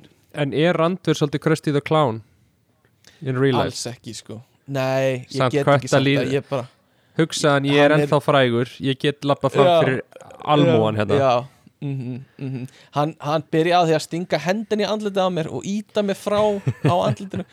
Og nei, hérna hann var mjög fín sko. Ég held að, held að hafi bara verið smá miskilningur sko. En, Já, já. en en, en já, þetta var, þetta var stórt moment fyrir mig sko. Er, er sko overstatement mm. að segja að á eftir Guðmund Geirfinnsmálinu þá sé randver Mhm. rekin frá Rúf svona stærsta mystery Íslandsögunar Það er hérna ekki bara mystery, það er stærsti skandall fjölmjöla sögu Íslands myndi ég segja Ég líka og bróði mystery. minn Já og líka mystery Ég og bróði minn Við vorum bara legit brjálaðir, eða pyrraðir og Já. við þoldum ekki hann hérna Þórhall sem var Já, yfir já. á þessum tíma við, við vorum bara legit bara viðbjóðslega pyrraðir út í hann sko. Já, og erum það ennþá. Skilur, ég myndi ekki taka í spaðan á þjórhalli ef ég myndi sjá hann núna sko. en ætli, að hafi, ætli þetta hafi verið svona eins og Jeremy Clarkson incident eitthvað? Randver kýlir eitthvað pródusent mm, mm. Veistu hvað Jeremy Clarkson er, svona- já, já, ég veit, ég veit hvað að tala um. Hann kýldi pródusirinn top, í Top Gear og var rekin og þá hætti allir. Þú veist máli er bara, þegar þú ert svona gífuleg stjarna eins og randver þá færðu bara ákveðin bessaleifi sem, sem þú mátt taka. Já, þannig að já, þó þú kýlir einhvern þá er það ekkit sjálfkrafa brottrekstur, skilur já, þú færð allavega þrjú, fjögur nefahögg og ég á bátt með að trúa því að minn besti randver hafi látið nefana tala svona mikið sko. Já, já, já, já, ég er þetta sammálaður en, en svona slær mann ekki sem típan í að kýla sko. Nei, nei, nei, nei, nei, skilur við hann, hann, ef hann vill ná sér niður að þér þá skrifar hann beittan skets og byrtir það í þættinu skilur við, Já, já, já, alveg ha, bara hár beittan skets sko, skilur við En já, allavega, Kalli Bjarni. Hættum að tala um randur Kalli Bjarni. Út. Kalli Bjarni var frægur var síðan bara Mhm. allt í einu bara, bara smiklaðin kókaini handtekinn, fangelsi. Ótrúlegt, mjög skrítið. Já, Emmett svo koma bara svona tíu ár eða eitthvað á milli mm -hmm. og svo er hann bara aftur handtekinn fyrir ykkur mörg brot að kæra undir áhrifum fíknefna eða svo leis ah, Ok og svo kemur hann bara fyrir svona já, þetta er 2017 eða eitthvað og svo kemur hann Mhm. bara svona 2019 og þá kemur hann í Mhm. svona alveg svona heilsíðu opnun svona þú veist, Já, bara, svona, þú að opna þig og segja all Já, já. Emmett og í dag er hann sjómaður. Ok, ok. Þann- Er það starfið sem allir enda á sem lenda í einhverju svona? Er sjómaður svona svona það sem hrannast inn einhverju svona gaurar og hérna enda það er bara Ingo Veðuguð, Gilvi Sig, Sölvi Tryggva. Bara á, á sama tór bara tógar hann um cancelled er bara, eru allir uh, best, mestu menn já, nei, hérna ég hitti, eða hitti ekki ég sá, og ég vil ekki nefna nöfn núna, en þetta var þetta var strákur, ungur barnaleikari sem leki í íslenskri mynd svona barnamynd á sínum tíma.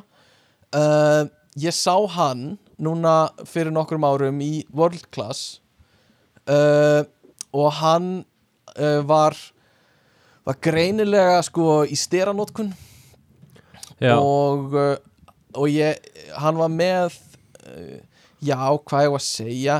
Kannski einhver þau minnstu eistu sem ég hef séð. Uh, bara af öllum testanum sem hann er að taka skilur við en býtu í sjón eða þreif, þreifaður ég, við, við fórum af, ég spurði það bara er þú Já. þessi gaur?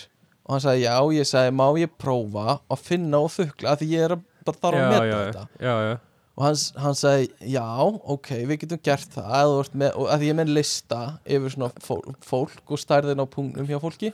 Ok. Og hérna, og hann bara hann var neð, neðst sko.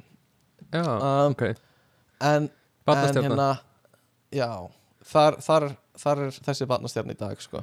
En hérna hérna uh, góð saga.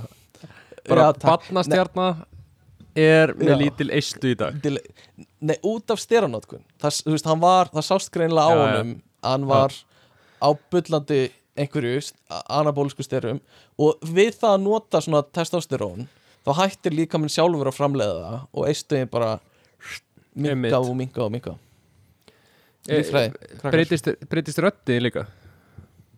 Uh, já, veit ekki. Þekki það ekki. Fara allavega hár og bakið. Ok, en allavega já, Kalli Bjarni, hann Mm. virðist vera á góðri leið núna samt, bara sjómaður Mhm. og, og hérna uh, mm -hmm. Edru, vonandi mm uh, Benjamin Dúfa. Já, horfður á, eh, á Benjamin það? já, já, þetta er náttúrulega myndin sem traumatæsaði heila kynnslóðin á Íslandi sko. Já, þegar að hann valtarinn er alveg að fara yfir það maður. Shit, sko Já, líka bara þegar gaurinn er fastur aftur í bílnum og hann rapar í sjóin og deyr. Já, líka, já, já. Jú, þetta er Slökti traumatizing. mamma þín alltaf á sjónarspinu ha, já, Slökti mamma þín alltaf á sjónarspinu rétt árun og aðri ég bara Já. sé fyrstu 15 mínútur að Benjamin Dúfa Já, já, þeir allir eru bara eitthvað köttur og eitthvað. Mm Já, uh, nei, en aðleikarinn í ve veistu hver aðleikarinn er nei. Nei, Sturla Sigvatsson Það er þetta um bann sem er með bara allt. Já, fræðina, gellur. Fíknefni, hann er með þetta allt. Þegar hann leikur í þessari mynd. Já, um, en hann sem sagt hann lauk námi. Hann sem sagt hætti Mhm. bara. Var leik líka Emil í Kattolti í þjóðleikursinu já, ok. Svo hætti hann. okay. og hann lauk námi í viðskiptar lögfræði við háskólan á Bifröst. Ah, Já, ok. Og starfar Ok, í dag við fastegna þróun og uppbyggingu í sérhæðum fjárfestingum. Hvernig veistu þetta? Eh, Hvernig kemstu að þessum upplýsingum? Ég er bara með mína leiðir sko. Ok, ok. Uh, Ok, það fyrir á bifröst. Um, Já, það er svona knock-off háskóli sko. Uh, Bara flott hjá honum. Er það ekki Bara svona, hann. þú veist, er þetta ekki svona það sem fræga fólki fyrr Svona til að vera under the radar Jú, jú, jú, það sem eru fái Það sem er ekki til að bögga þig Að byggja meðeldra áriðanir Jú, þeir fær svona aðeins út fyrir bæinn Og hérna, hérna Fá frið Og jú, það er alveg rétt veist, En ætli hann, þú veist, ætli hann í dag Þegar hann situr einhver staðar Og vinnur við Mhm. fastegna þróun og uppbyggingu í Mér finnst það sko Mér finnst það fyndin titill. Það er aðalega okkur Já. finnst það merkileg talað Ég hugsaði svona Ef ég ætti að ímynda mér að þú fyrir á date Mhm, Með stelpuðu strák mhm. og þú tekur, já, við hvað vinnur Já, ég er í fastegna þróun og uppbyggingu í sérhæðum fjár- fjárfestingum. Og ég hugsa bara svona, vá, hvort leiðilegur. Eða leiðileg. Já, já, mhm, mhm, já. Skilur, þetta er svona leiðilegasti Algjörlega. þetta er leiðilegasti titill sem þú getur haft þannig að, með fullri virðingu, með fullri virðingu samt skilur, Já, með já, með fullri disclaimer, eh, að disclaimer. með, með fullri virðingu fyrir, fyrir því sko. Uh, ætli hann sitist undir við skrifbórið sitt? Það sem stendur Já. bara Sturla Sigvardsson svona, svona, hann er með svona Já. skilti framan á já, Sturla Sigvardsson uh, sérfræðingur í fastegna og uppbyggingu í sérhæðum fjárfestingum.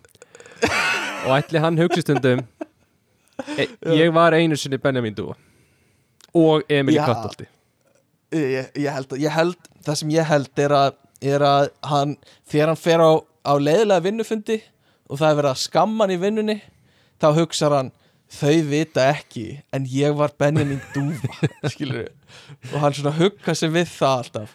Ég létt í íslenskri stórmynd. Ég er Benjamin Dúfa og það er verið að drulla yfir hann bara þú áttir að fucking vinna þessa uppbyggingu og þessa þróun á þessum húsni þau vita ekki, ég var ég get flogið hérna út hvernig sem er ég er, ég, ég er og rólega byrja hann svona. Já, já. og allir síður upp í honum. Já. Sturla Sigvards, Ah, allavega vonaði bara Mhm. þið líði vel. Uh, já, ég vona það líka en tökum einhvern annan. Finnum hérna, Já. sko mm. uh, Molly Jökulsdóttir. Ok, ef ég ætti að giska hver þetta er Já, þá myndi ég segja þetta er stelpan sem söng í TikTok skinka á YouTube. Og það er svo leiðild að við sagt þetta. Akkur að því ég ætlaði, þú veist, hindi átt að vera að hún vaknar alla morgna og setur á sig meik Er þetta hún? Já, Í alvörunni? Í alvörunni? Í alvörunni? já, Ha? þetta er hún Af hver... Ok, ok, ha? A Mér finnst, Ok, það er smá ég- disturbing að þú bara, þú veist, þekki nafnið Nei, nei, ég þekki ekki nafni, sko, ég veit ekki Þetta hlýt Ha? Þetta hlýtur að hafa verið einhver staðar í undir meðutundinu af því ég heyrði þetta nafn og hugsaði ég veit ekkert hver þetta er Já Ok, er, sorry. Fyrir Já. ekki en þetta er svolítið svolítið distinct nafn, sko. Já, það hlýtur að vera. En Molly okkar Hún sko Hún gaf út þetta lag En gaf ekkert alveg upp tónlistafyrirlin sko. Er með Ok. Soundcloud account. Já, nice. Með mjög Bara, þú veist, tjekkja á því. Eh, Mjög áhugaverð Ok. Þetta er áhugavert efni Ok, en, en allan í dag þá er hún sem sagt uh, Hún líka er farin frá landinu mm. er, er, er yfir strikja að spila smá brot úr lægi hjá henni eða? uh, Já, nei, ég meina þú veist Þú veist hvað, erum eitthvað kæriðir eða Nei, nei, hvað heitir hún? Molly Jökulsdóttir Já, ég, ég skal senda þér hérna Ég skal bara senda þér link á Ok, lægiðina sko. Hún er líka á Spotify Hún er á Soundcloud hérna, ég sé það. Um, Tunglið Molly Jökulsdóttir. Já, Ok, ég ætla, ég, ætla, ég ætla að dela með þér hérna og við getum spilað saman. Um, Sjá Hérna, svona. Ok, nú ættir að sjá hérna hjá mér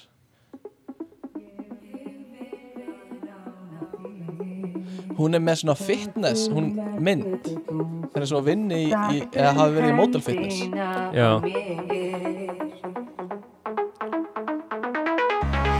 Þrýstu þér nú nærri mér. Á tólinu sér okkur enginn. Taktu þrýstu þér nærri mér á tunglinu sér okkur engin já, Mér finnst geðveik lína. þrýstu þér nærri mér helviti góð lína. Þetta er alveg svona smá aggressíft en alveg svona smá kynþokkafullt líka. Þrýstu þér nærri mér. Þetta er, þetta er svona gallin við íslenska tungu. Veist, Já, það er svolítið gall Ef þú ætlar að þú ætlar að segja eitthvað svona kynþokkafullt þá hljómar það alltaf smá svona smá, já, skringilega. Ok, Þrýstu nærri mér.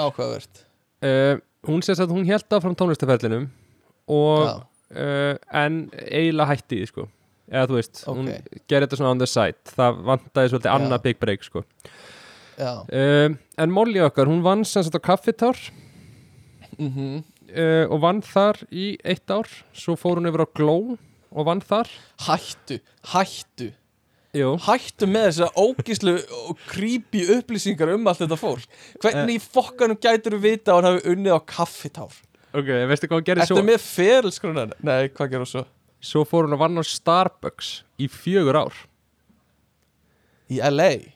nei, Ó í Fredriksberg Fredriksberg? og København Í Köpenhón? já Wow Þannig að hún vann sem sagt Ok. þar í, uh, hérna, já, í fjör ár og Já. svo er hún í dag sales coordinator hjá bestseller Ok Þetta er Eh. alveg svona Þetta er alveg svona uh, Sales coordinator Fer á date með hérna uppbyggingar stjóra fastegna í sérhæðu verkefnum með eitthvað.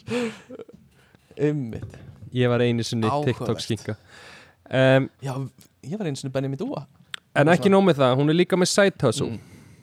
Ok, hún heldur uppi sko síðunni Made by Molly sem er sagt býr til handmade baby clothes og býr sagt með uh, kærastanum sínum, hundunum sínum og einu badni í Danmörku. Ok, og selur badnaföld á netinu. Ok. Vá, bannamarkaðurinn er stóri dag. Um, Hérna, ok. Mér, mér finnst þetta, ég verð að segja Mér finnst þetta allt bara mjög áhugavert sko. Uh, En mér finnst virkilega creepy. Einhver staðar fær þessar upplýsingar. Mm um, Það er, já, ok. Þetta, þetta er geggjað. En ég vona bara að cross-reference mitt sé rétt og ég sé ekki að bara, þú veist skilur, Að taka einhverja aðra molly. Já, ég held að sé getur Ég alltaf held verið. að sé Nei, getur ekki verið, sko, það er bara ein, ein Molly Jökul, sko. Og hérna Einmitt, hún gerði TikTok skinka á YouTube. Þetta er Þetta er magnað.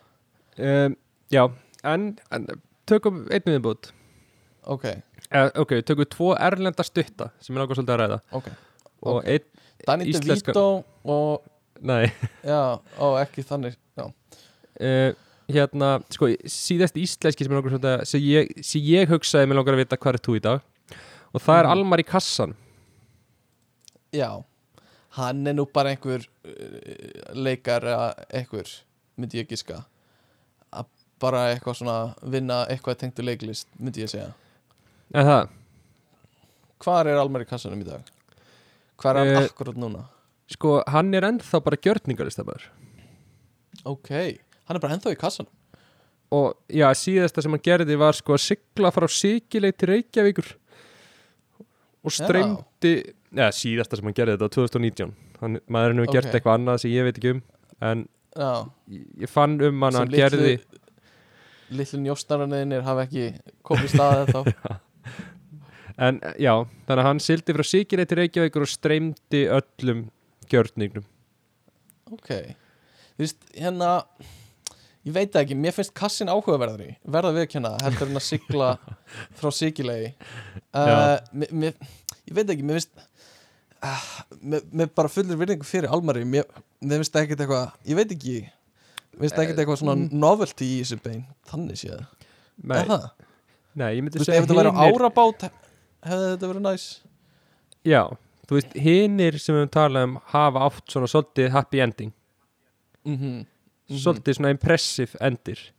En Já. Almar í kassanum að fara úr alveg svona iconic gjörningi í svona einhverja, Já, þú veist. Já. En með, með til þess að gefa honum kredit þá, þá eru hinir hafa haft lengri tíma til að fóta sig, skilur við Þannig að, að já, hérna, já, ef við tjekkum aftur inn á honum eftir tíu ári eða eitthvað þá Já. kannski erum við að fara að sjá sjá einhverja byltingu sko. Handmade baby clothes by Almar í kassanum. Já, já, bara almar í kassanum. Já, það er- nákvæmlega. það er alveg rétt, en því þegar hann Strímaði stundaði öllu. sjálfsfróun í kassanum? Sko ég var eiginlega bara að komast að því fyrir stuttu að hann hefði gert það. Ég fylgdist Nú. greinilega ekki nógu virt með þessu sko. Ég, ég, ég svona, gerði mig grein fyrir að hann hefði kúkað og pissaður og glana en, en, en ég var bara að fatta um daginn að hann stundaði sjálfsfróun hann sko. Og til að fyndi að fatta það svona um daginn. Já, já, já, já.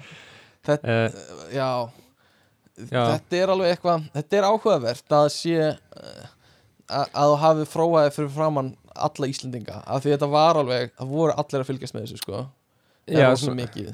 En það er líka að fyndi því að maður segir, þú veist, já, það voru allir að fylgjast með þessu, svo las ég gamla frétt og þá var þetta eitthvað, já, hann stundaði sjálfsfróun fyrir framann hundrað manns.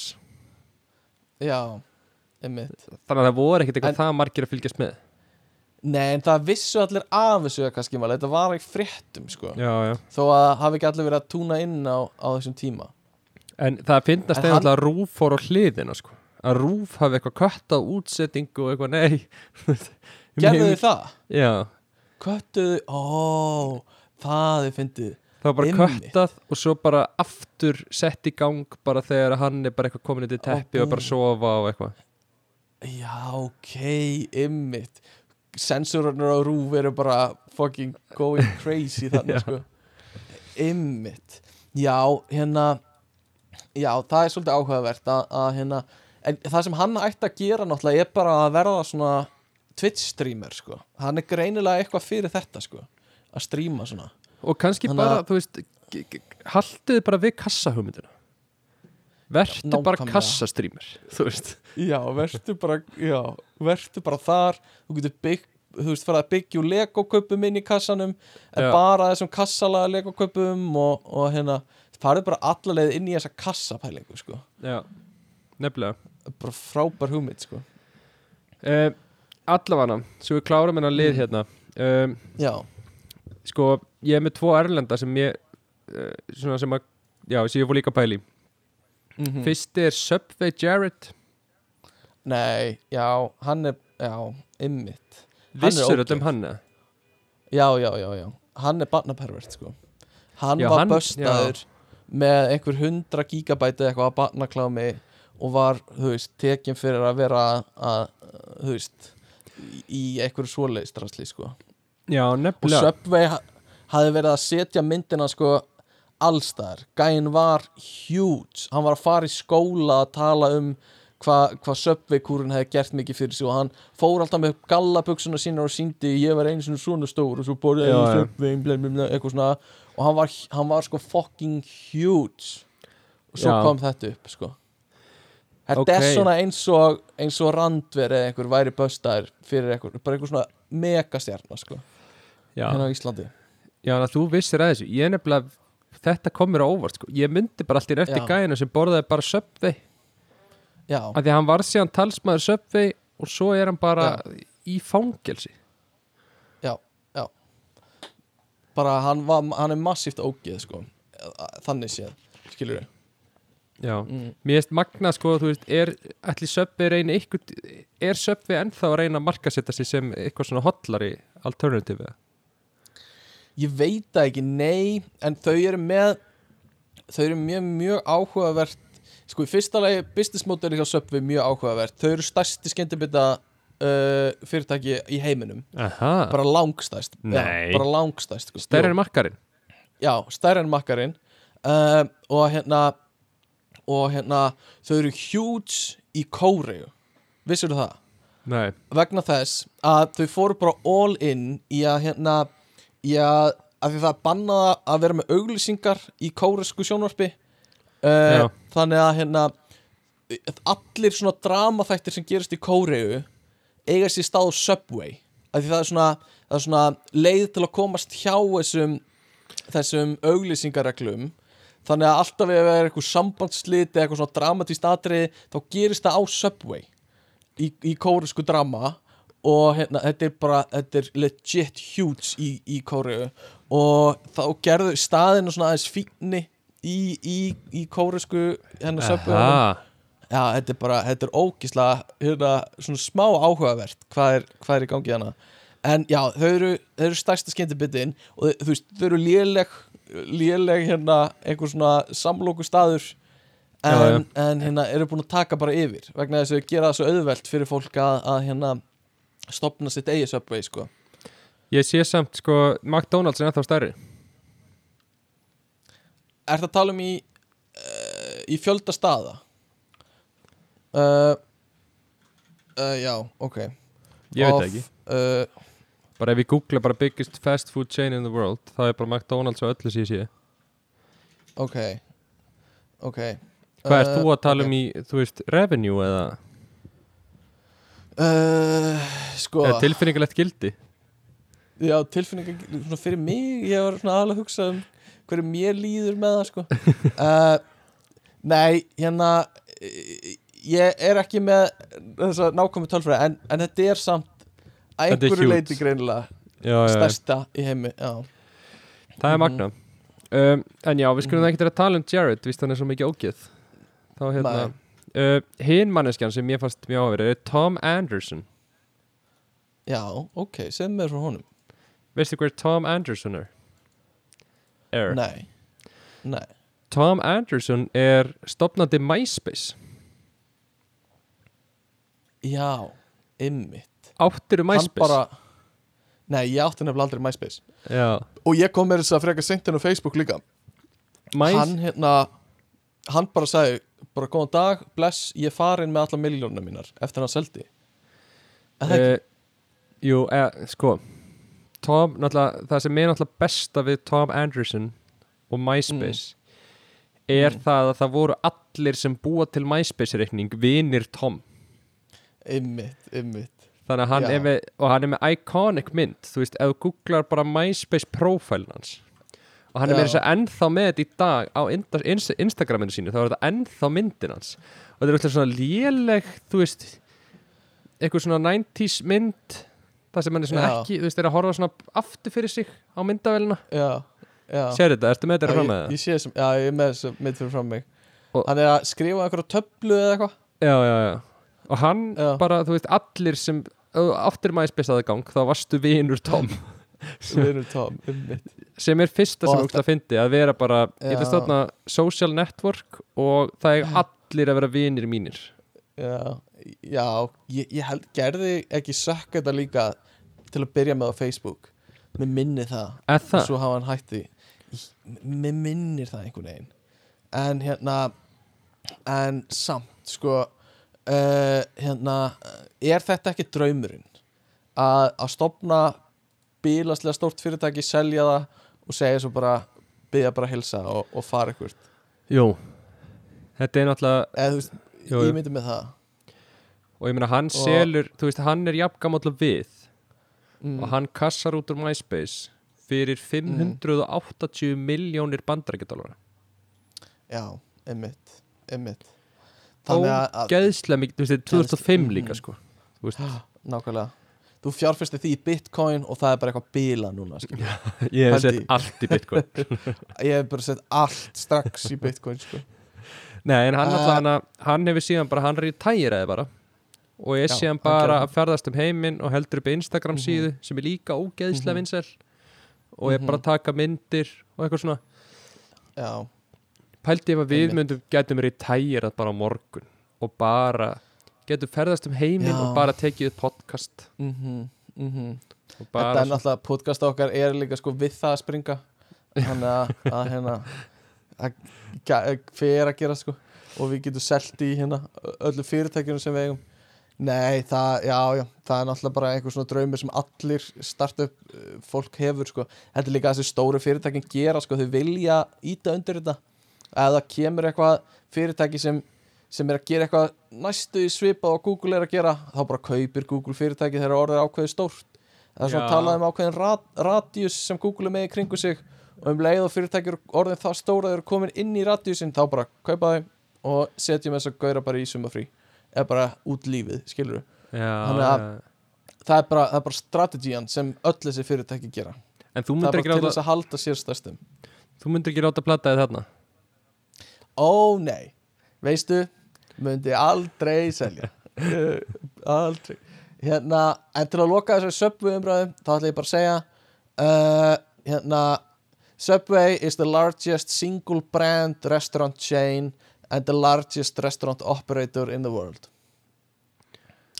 Þannig að það er það sem ég var að vísi Ok, bara segja, Já. bara segja. fínt. Subway, ég, ég veit ekki hvað því single brand Er það eitthvað svona I don't know man, shut the fuck up. Ok, en allavega ég var að pæli Þú ert með, með einhverjar sögur sem við áttum eftir að fara í úr fyrir þáttum. Já, allt og mikið sko. Við getum farið í nokkra hérna aðeins í blálogin til, til að róa okkur niður eftir svona gífurlega spennandi lista sem við vorum að lesa.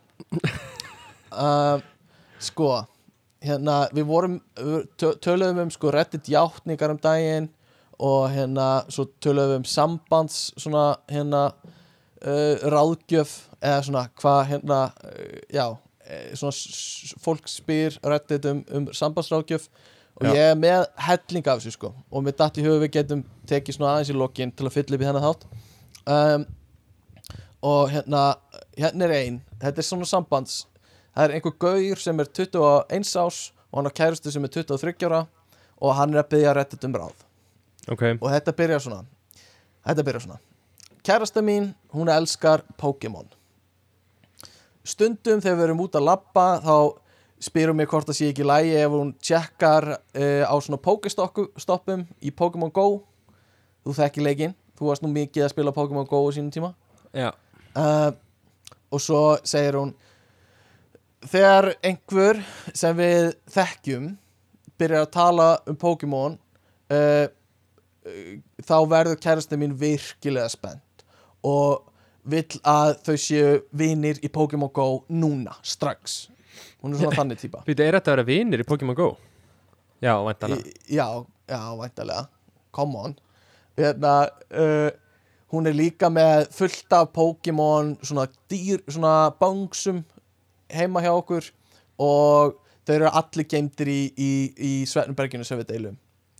Fyrst fannst mér þetta bara freka cute en þegar vini mínir byrjuði að gera grína henni eða, svo fóru vini mínir að gera grína mér fyrir að vera að deyta bara einhverju banni einhverju sem er mjög bannaleg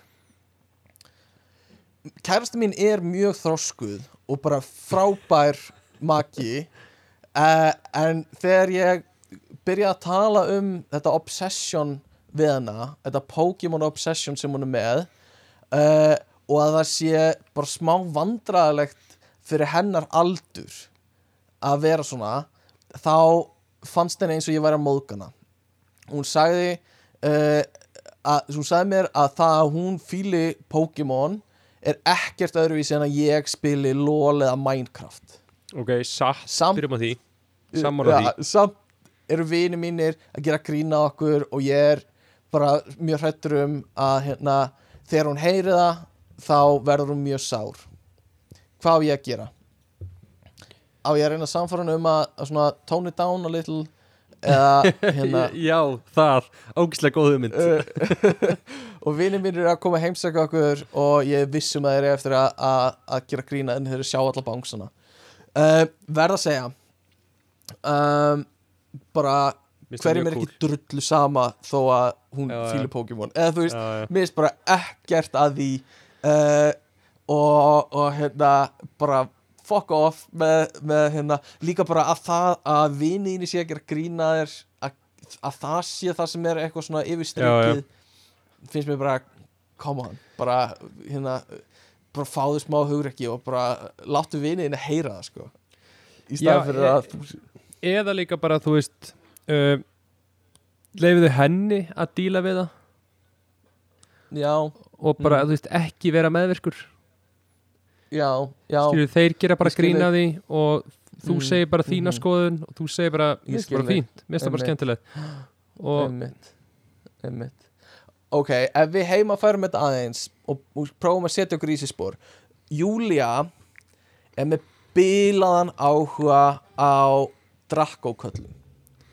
Og hérna allt það Sem er um engin alla í- sem er engin í heiminum er í dag. Á drakk og köllum. Uh, drakkókallar þeir eru coming back baby.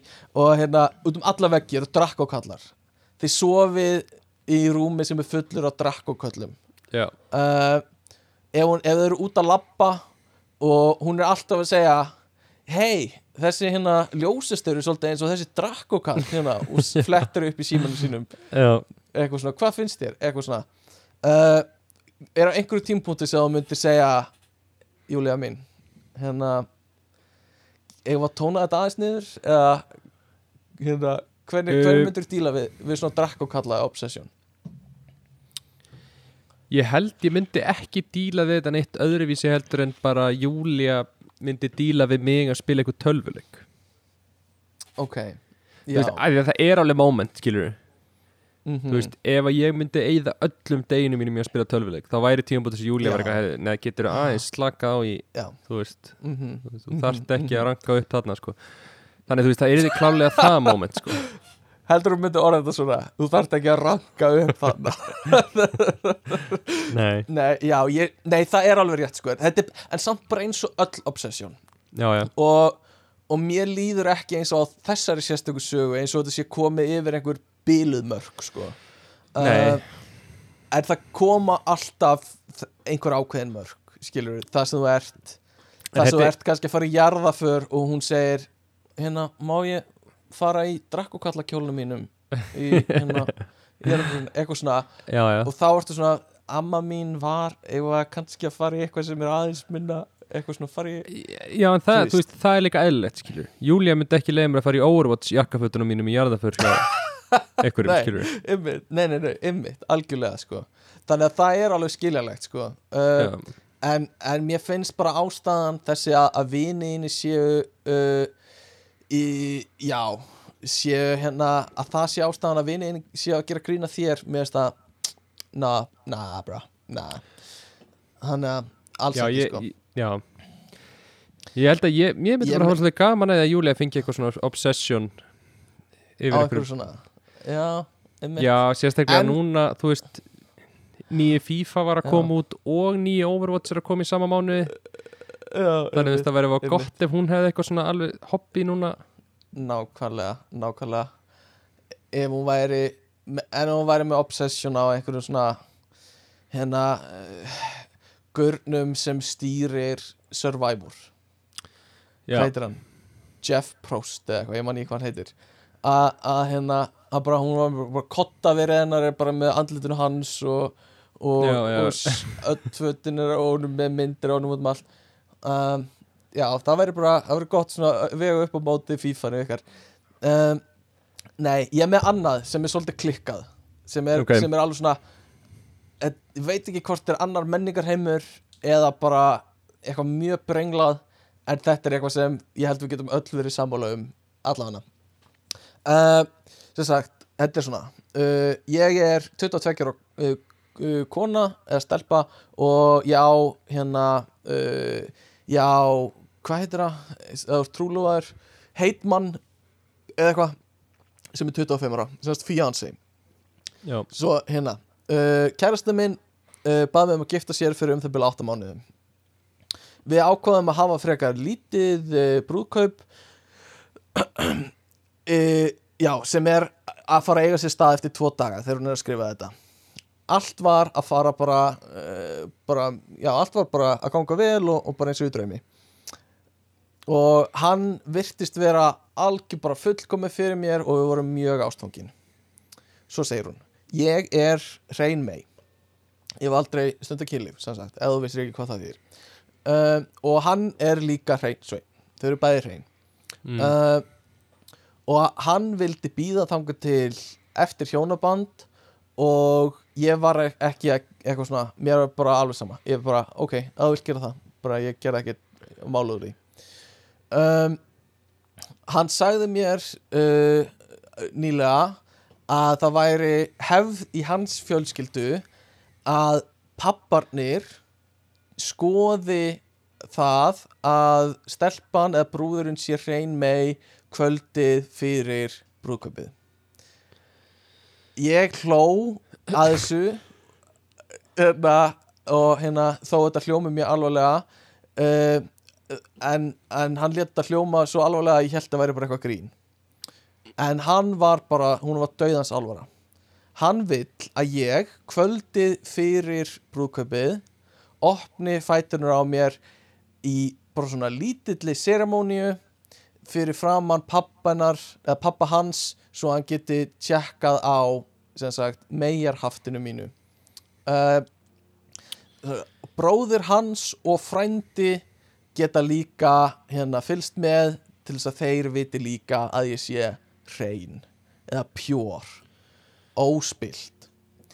Uh, ég sagði honum að það væri ekki sjens að þetta myndi gerast uh, og hann var að grátbyðja mig um þetta og hérna hann var að grátbyðja mig um að ég myndi gera þetta og þetta væri mjög hérna mikilvægt fyrir honum uh, hann sagði að hann vissi að þetta væri smá vandræðilegt fyrir mig uh, en, mam, uh, en mamman skerði þetta og þetta mun sanna fyrir honum að, að hún elski hann rosalega mikið og það er Já. ekkert og, og hérna og, ég, og þetta sanni líka að ég hafa ekkert að fela um það að ég sé hrein mei uh, ég fór þegar ég fór þá var hann grátandi og mjög dramatískur.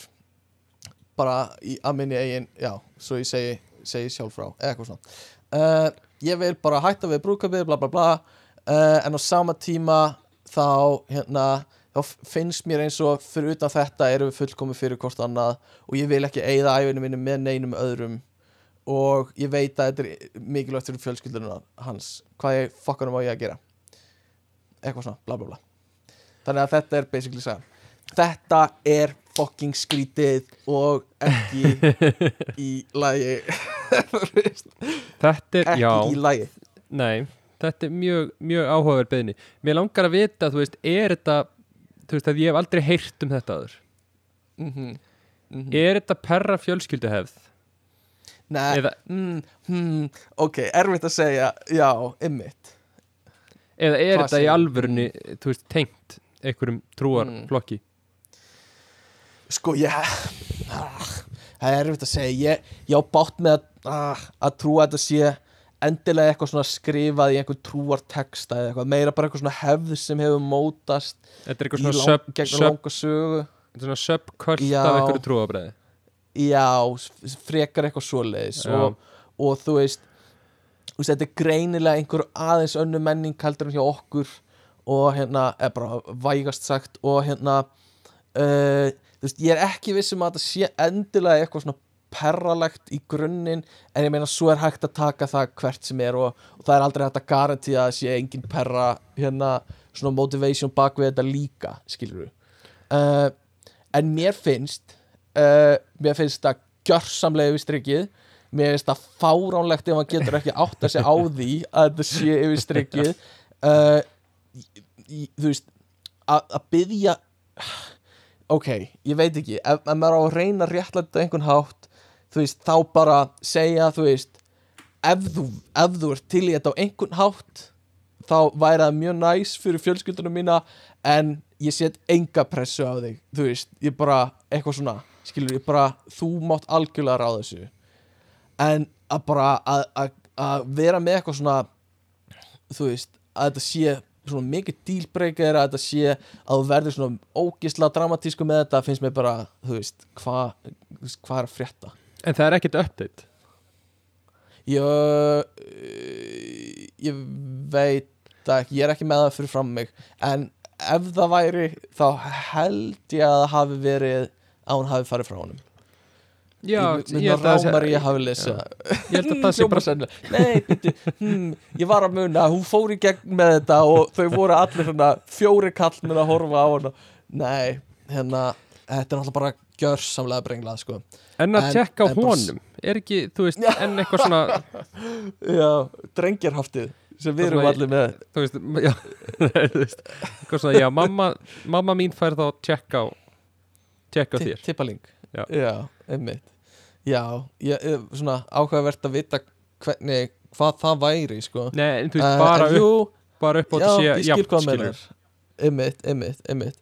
Jú, ég, ég alveg bara, mér finnst það megasens mér finnst það 100% uh, uh, já ef að það ætti að vera eitthvað en ég myndi ekki einu sem taka þátt í því sko.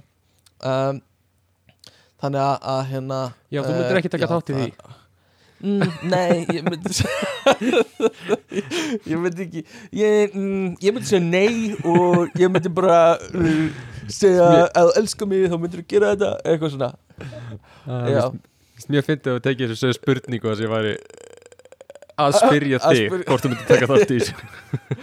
Já, nei, ég myndi ekki Guðmundur, veistu, nei, ég held ég myndi ekki taka þátt í þessi uh, Ok uh, Ein stutt í lokin og ég ætla ekki að lesa hana alla Ég ætla bara svona að segja frá Ok, svona helstu atriðum.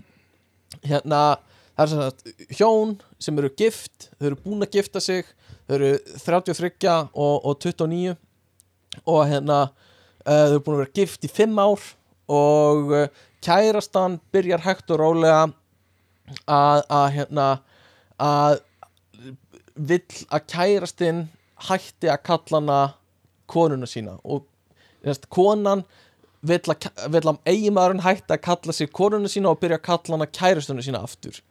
Og mm, þau eru út, úti með vinnu sínum og hann talar um hana sem konuna sína einhvern tímann og hún bara svona ha ha ha, nei ég er kærastæðin og hann eitthvað, nei ég er kona mín. Og hún eitthvað, "Ah, nei ég er kærst og þetta verður bara svona rosalega skrítið moment fyrir framun allar vinni þeirra og hérna hún Æ. vill uh, já, hún basically bara vill bakka út úr öllu sem gerðist eftir brúðkaupið svona þegar kemur að að hvað, hvað þau kalla hvort annað og hvernig svona hérna, já, nálgast þetta allt um, sem er áhugavert og svo spyr hann einhvern tímann svo eru þau að tala einhvern tímann já, þetta var nú gaman í brúðkaupin okkar eða eitthvað svo leiðis og hún segir hvað er brúðkaup? Hvað er brúðkaup? Ertu að tala um? Nei. Eitthvað svona eins og hún eins og hún mun ekki. Og hérna þau voru að tala um sk svona borðskrauti í brúðkaupinu með einhverjum vinum sínum. Og þegar vinur hennar eða þegar vinurinn hjælt áfram að tala um þetta borðbrúðkaup? Bo, sk skr, borðskraut á brúðkaupinu borðkaup þá hérna uh, þá byrjaði hún að gráta smá kona mín. Ok, og hún svona byrjaði að fá tár í augun fyrir framann alla og var að Uh. afsaka sér frá. Mér, mér finnst sko Og- seinustu tvær sögur er Mm. mjög góðar. Þetta er quality content já, er það? Já, mér það mjög áhugavert þetta er sko. allt bara á mínum persónulega banka líka. Þetta er bara Þetta er allt þú. mínar sögur. Þetta er allt ég. Nei, mér, hérna, mér finnst það magnað sko þessi, Já. sko mér finnst þetta bara, mér langar ógeðslega mikið að vita, þú veist bara svona, Já. ég- væri til að bara fá sálfræðing til að bara greina þetta fyrir mig Greina Tala við þessa konu. 100% já, já, er þetta eitthvað svona, einmitt. ég sé eftir að það giftst þér, þannig ég ætla svona að ís out of it svo, nei, við þetta, sk- sko, það sem mér er í hug ég skildi ekki, er, er sko hérna uh, að- hún vilji fá brúðkaupið aftur eða eitthvað svona fortíða frá í það að geta hlakka til að gift, eiga annað eða heldur eitthvað svona, það, svona að því hún vill ekki hægt í sambandinu skilur við hún hérna uh, og, og hérna, hann segir líka hérna uh, uh, ég tekið eftir því að hérna að hérna uh, já, ég gefti handinni sem sagt uh, valentínusakort sem stóð á til hamingjum með valentínudaginn eiginkona mín eða eitthvað svona. Og hún sagði, nei, heyrðu, ha, hérna, keifti kort sem er kærastan sem stendur á kærastan eitthvað, og, og, og, og bara, hvað, hvað er þetta að gera? Eitthvað svona. Og þetta er þetta er svolítið skrítin hegðurinn að því hún virkar eins og venjulega manneskja fyrir utan þetta sko. Hvernig ætlar að byggja mín? Um, já, já, já hvernig ætlar að byggja mín, ég er alltaf að byggja eitthvað svona, ég held ándjóks að þetta sé eitthvað svona, hún vilji hún saknaði þessar tíma fyrir hjónabandið eða sérst fyrir brúðkaupið og hérna og vilji geta hlakka til einhvers svoleiðis aftur. Þetta er samt alveg svona Um, psychotic svona, alveg svona psychotic þannig. byrtingamynd af þeirri tilfinningu sko. Smá, sérstaklega sko að því mómenti er svo óþægilegt fyrir framar alla vinið þeirra Þetta, að, sko, Já, en þetta er líka bara- ég, get, ég get svo ímynda mér þessa stemningu. Að Já, svona já. Ka, ég kærast þeim nei, Ég- þú ert ég- við erum búin að gift í ár. Nei, haha, ég kallaði mig kæristuna þín hvað ertu að segja? Ég er Ég- kærastan mín. Eitthvað svona, Já. og allir eru bara þögn að bara þögn og allir bara, hvað er í fokkin gangi hérna? Uh, ég, ætti svo erfitt með að halda feysi í þessum aðstæðu Þetta er svo fyndið að, veist, Mér langar ógeðslega að upplifa þetta Bara ef að Mm, Kristjana það myndi taka þetta þig Og við erum bara eitthvað Bara ég, þú og Júlia og Kristjana í matabóði Og Kristjana tæki þetta þig. Það Já, væri einmitt. iconic að upplifa það sko. Iconic? Hvað myndur þú segja? Myndur þú brjóta, reyndur að brjóta tensionið einhvern veginn? Myndur þú eitthvað svona Ég myndi Æ, hlæja, hlæja vandræðarlega uh, Já, já. Svo enginn hlær, við myndum ekki hlæja Það væri bara ógeðslega óþægilegt mómi þegar þú eignar hlæja eitthvað Já, og við bara ég, ég er, við erum gift. Og þú eitthvað Já, ég veit ekki. Ég myndi samt Ah, hausin á mér hann Já, hausin á mér myndi alltaf reyna að segja eitthvað. Ég, ég í svona Já. aðstæðum, ég þarf alltaf að segja eitthvað. Já, já, ég, já, ég, já. þú veist, ég get ekki lifað í vandræðilegri þögn nógu lengi. Já, já. En, já, þú mynd, já, einmitt, einmitt. Myndur þú reyna að brjóta tension með því að segja bara Stefán, kalla hana bara kæristuna þína. Eitthvað svona. Að Því, ef þú Nei. myndir segja, ok. Ég Ég ætla, ég, ætla, ég ætla bara að vera Ég ætla Já. vera Já, ef að sko Ef að ég myndi lendi í þessu Með eins og Kristjánu Og hún, við varum gift og Og Kristjana myndi segja eitthvað svona Við erum, þú veist, ég er kærastæðin Og ég myndi, nei, við erum Við erum, þú veist, þú, erum Þú veist, þú ert eiginkona mín Hvað er það að tala um, eitthvað svona. Og, og líka þetta væri orðið eitthvað þing í sambandinu okkar, þetta væri ekki fyrsta skipti. Og hérna, og þú myndir koma með Stefán, hættu þessu bara, láttu ekki svona kalla hann bara hérna eitthvað svona. Ég, ég yrði, sko, ég yrði örgulega mjög peraður út í þig fyrir að segja eitthvað svona. Ég var bara, ak akkur ertu ak- akkur, akkur að segja þetta akkur að segja þetta við mig? Skilur, hún er, hún er svo sem við skrýt eitthvað svona. Stefán, a- hættu leiðu, bara leiðin að vera kærastegin akkur ertu að láta eins og þetta er ekki svona mikið mál. Leiðin bara, kalla hann bara kærastegin og ég bara, Guðmundur hún er eiginkona mín, hættu það- þessu. En samt að eina sem ég væri að segja væri bara gerðu eitthvað þannig að þetta sé ekki svona óþægilegt fyrir mig. Já, já, já, já. að því ég myndi ég, mér finnst bara þetta þetta er svo, þetta væri svo ógæðslega óþægilegt moment. Já, þetta var bara, ég bara, ég finn það bara í mér, því það er ekkert nálagt í að fara að gerast eitthvað svona í mínu lífi, en bara eftir að hafa lesið þessa sögu, er ég bara er bara, ég veit ekki hvað ég á að gera. Já, en þetta væri náttúrulega skára heldur en að pappiðin ætla að skoða kynfærin á kæristunniðinni já, algjörlega. Og hérna, hérna Ef við setja gott bara að verða komið tíma á það? Hérna uh, Hvað ætlaði ég að segja? Nei, ég er að grínast. Hérna, við, uh, ég myndi bara uh, reyna að fara hérna, díla í einhverju sálfræði meðferð við þessu vandamáli öruglega, ef, að, ef það kemur eitthvað svona upp. Já, Akkur ég, hvað myndir þú gera? ja, hættum að fókus á mig. Ekkert, nei, ég myndi ekki gera neitt. Nei, nei. Um, Já, við skulum segja þetta gott í dag. Hérna uh, Takk fyrir að hlusta. Hafið samband á ekkert að frétta gmail.com eða ekkert að frétta á Instagram. Endilega sendið okkur uh, hverju þau vilja við hrósum. Gefum við hrós Tilefni mannesku eða, eða fyrirtæki en, en kannski mannesku Og hérna Hver eru styrtalega þáttur í dag umdur? Það eru snúrur.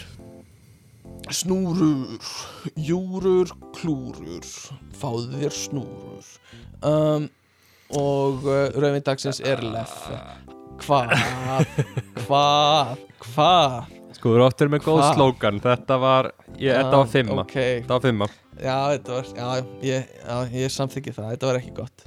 Þetta var ekki gott. Um, þannig að, að hérna, ég er orðin svolítið grillaður í hausnum, búin að vera löng vika, þannig að ég hugsa að við segjum þetta bara gott núna. Eitthvað sem vilt segja lókum? Nei, bara bæ Já, bye, bye. Thank you.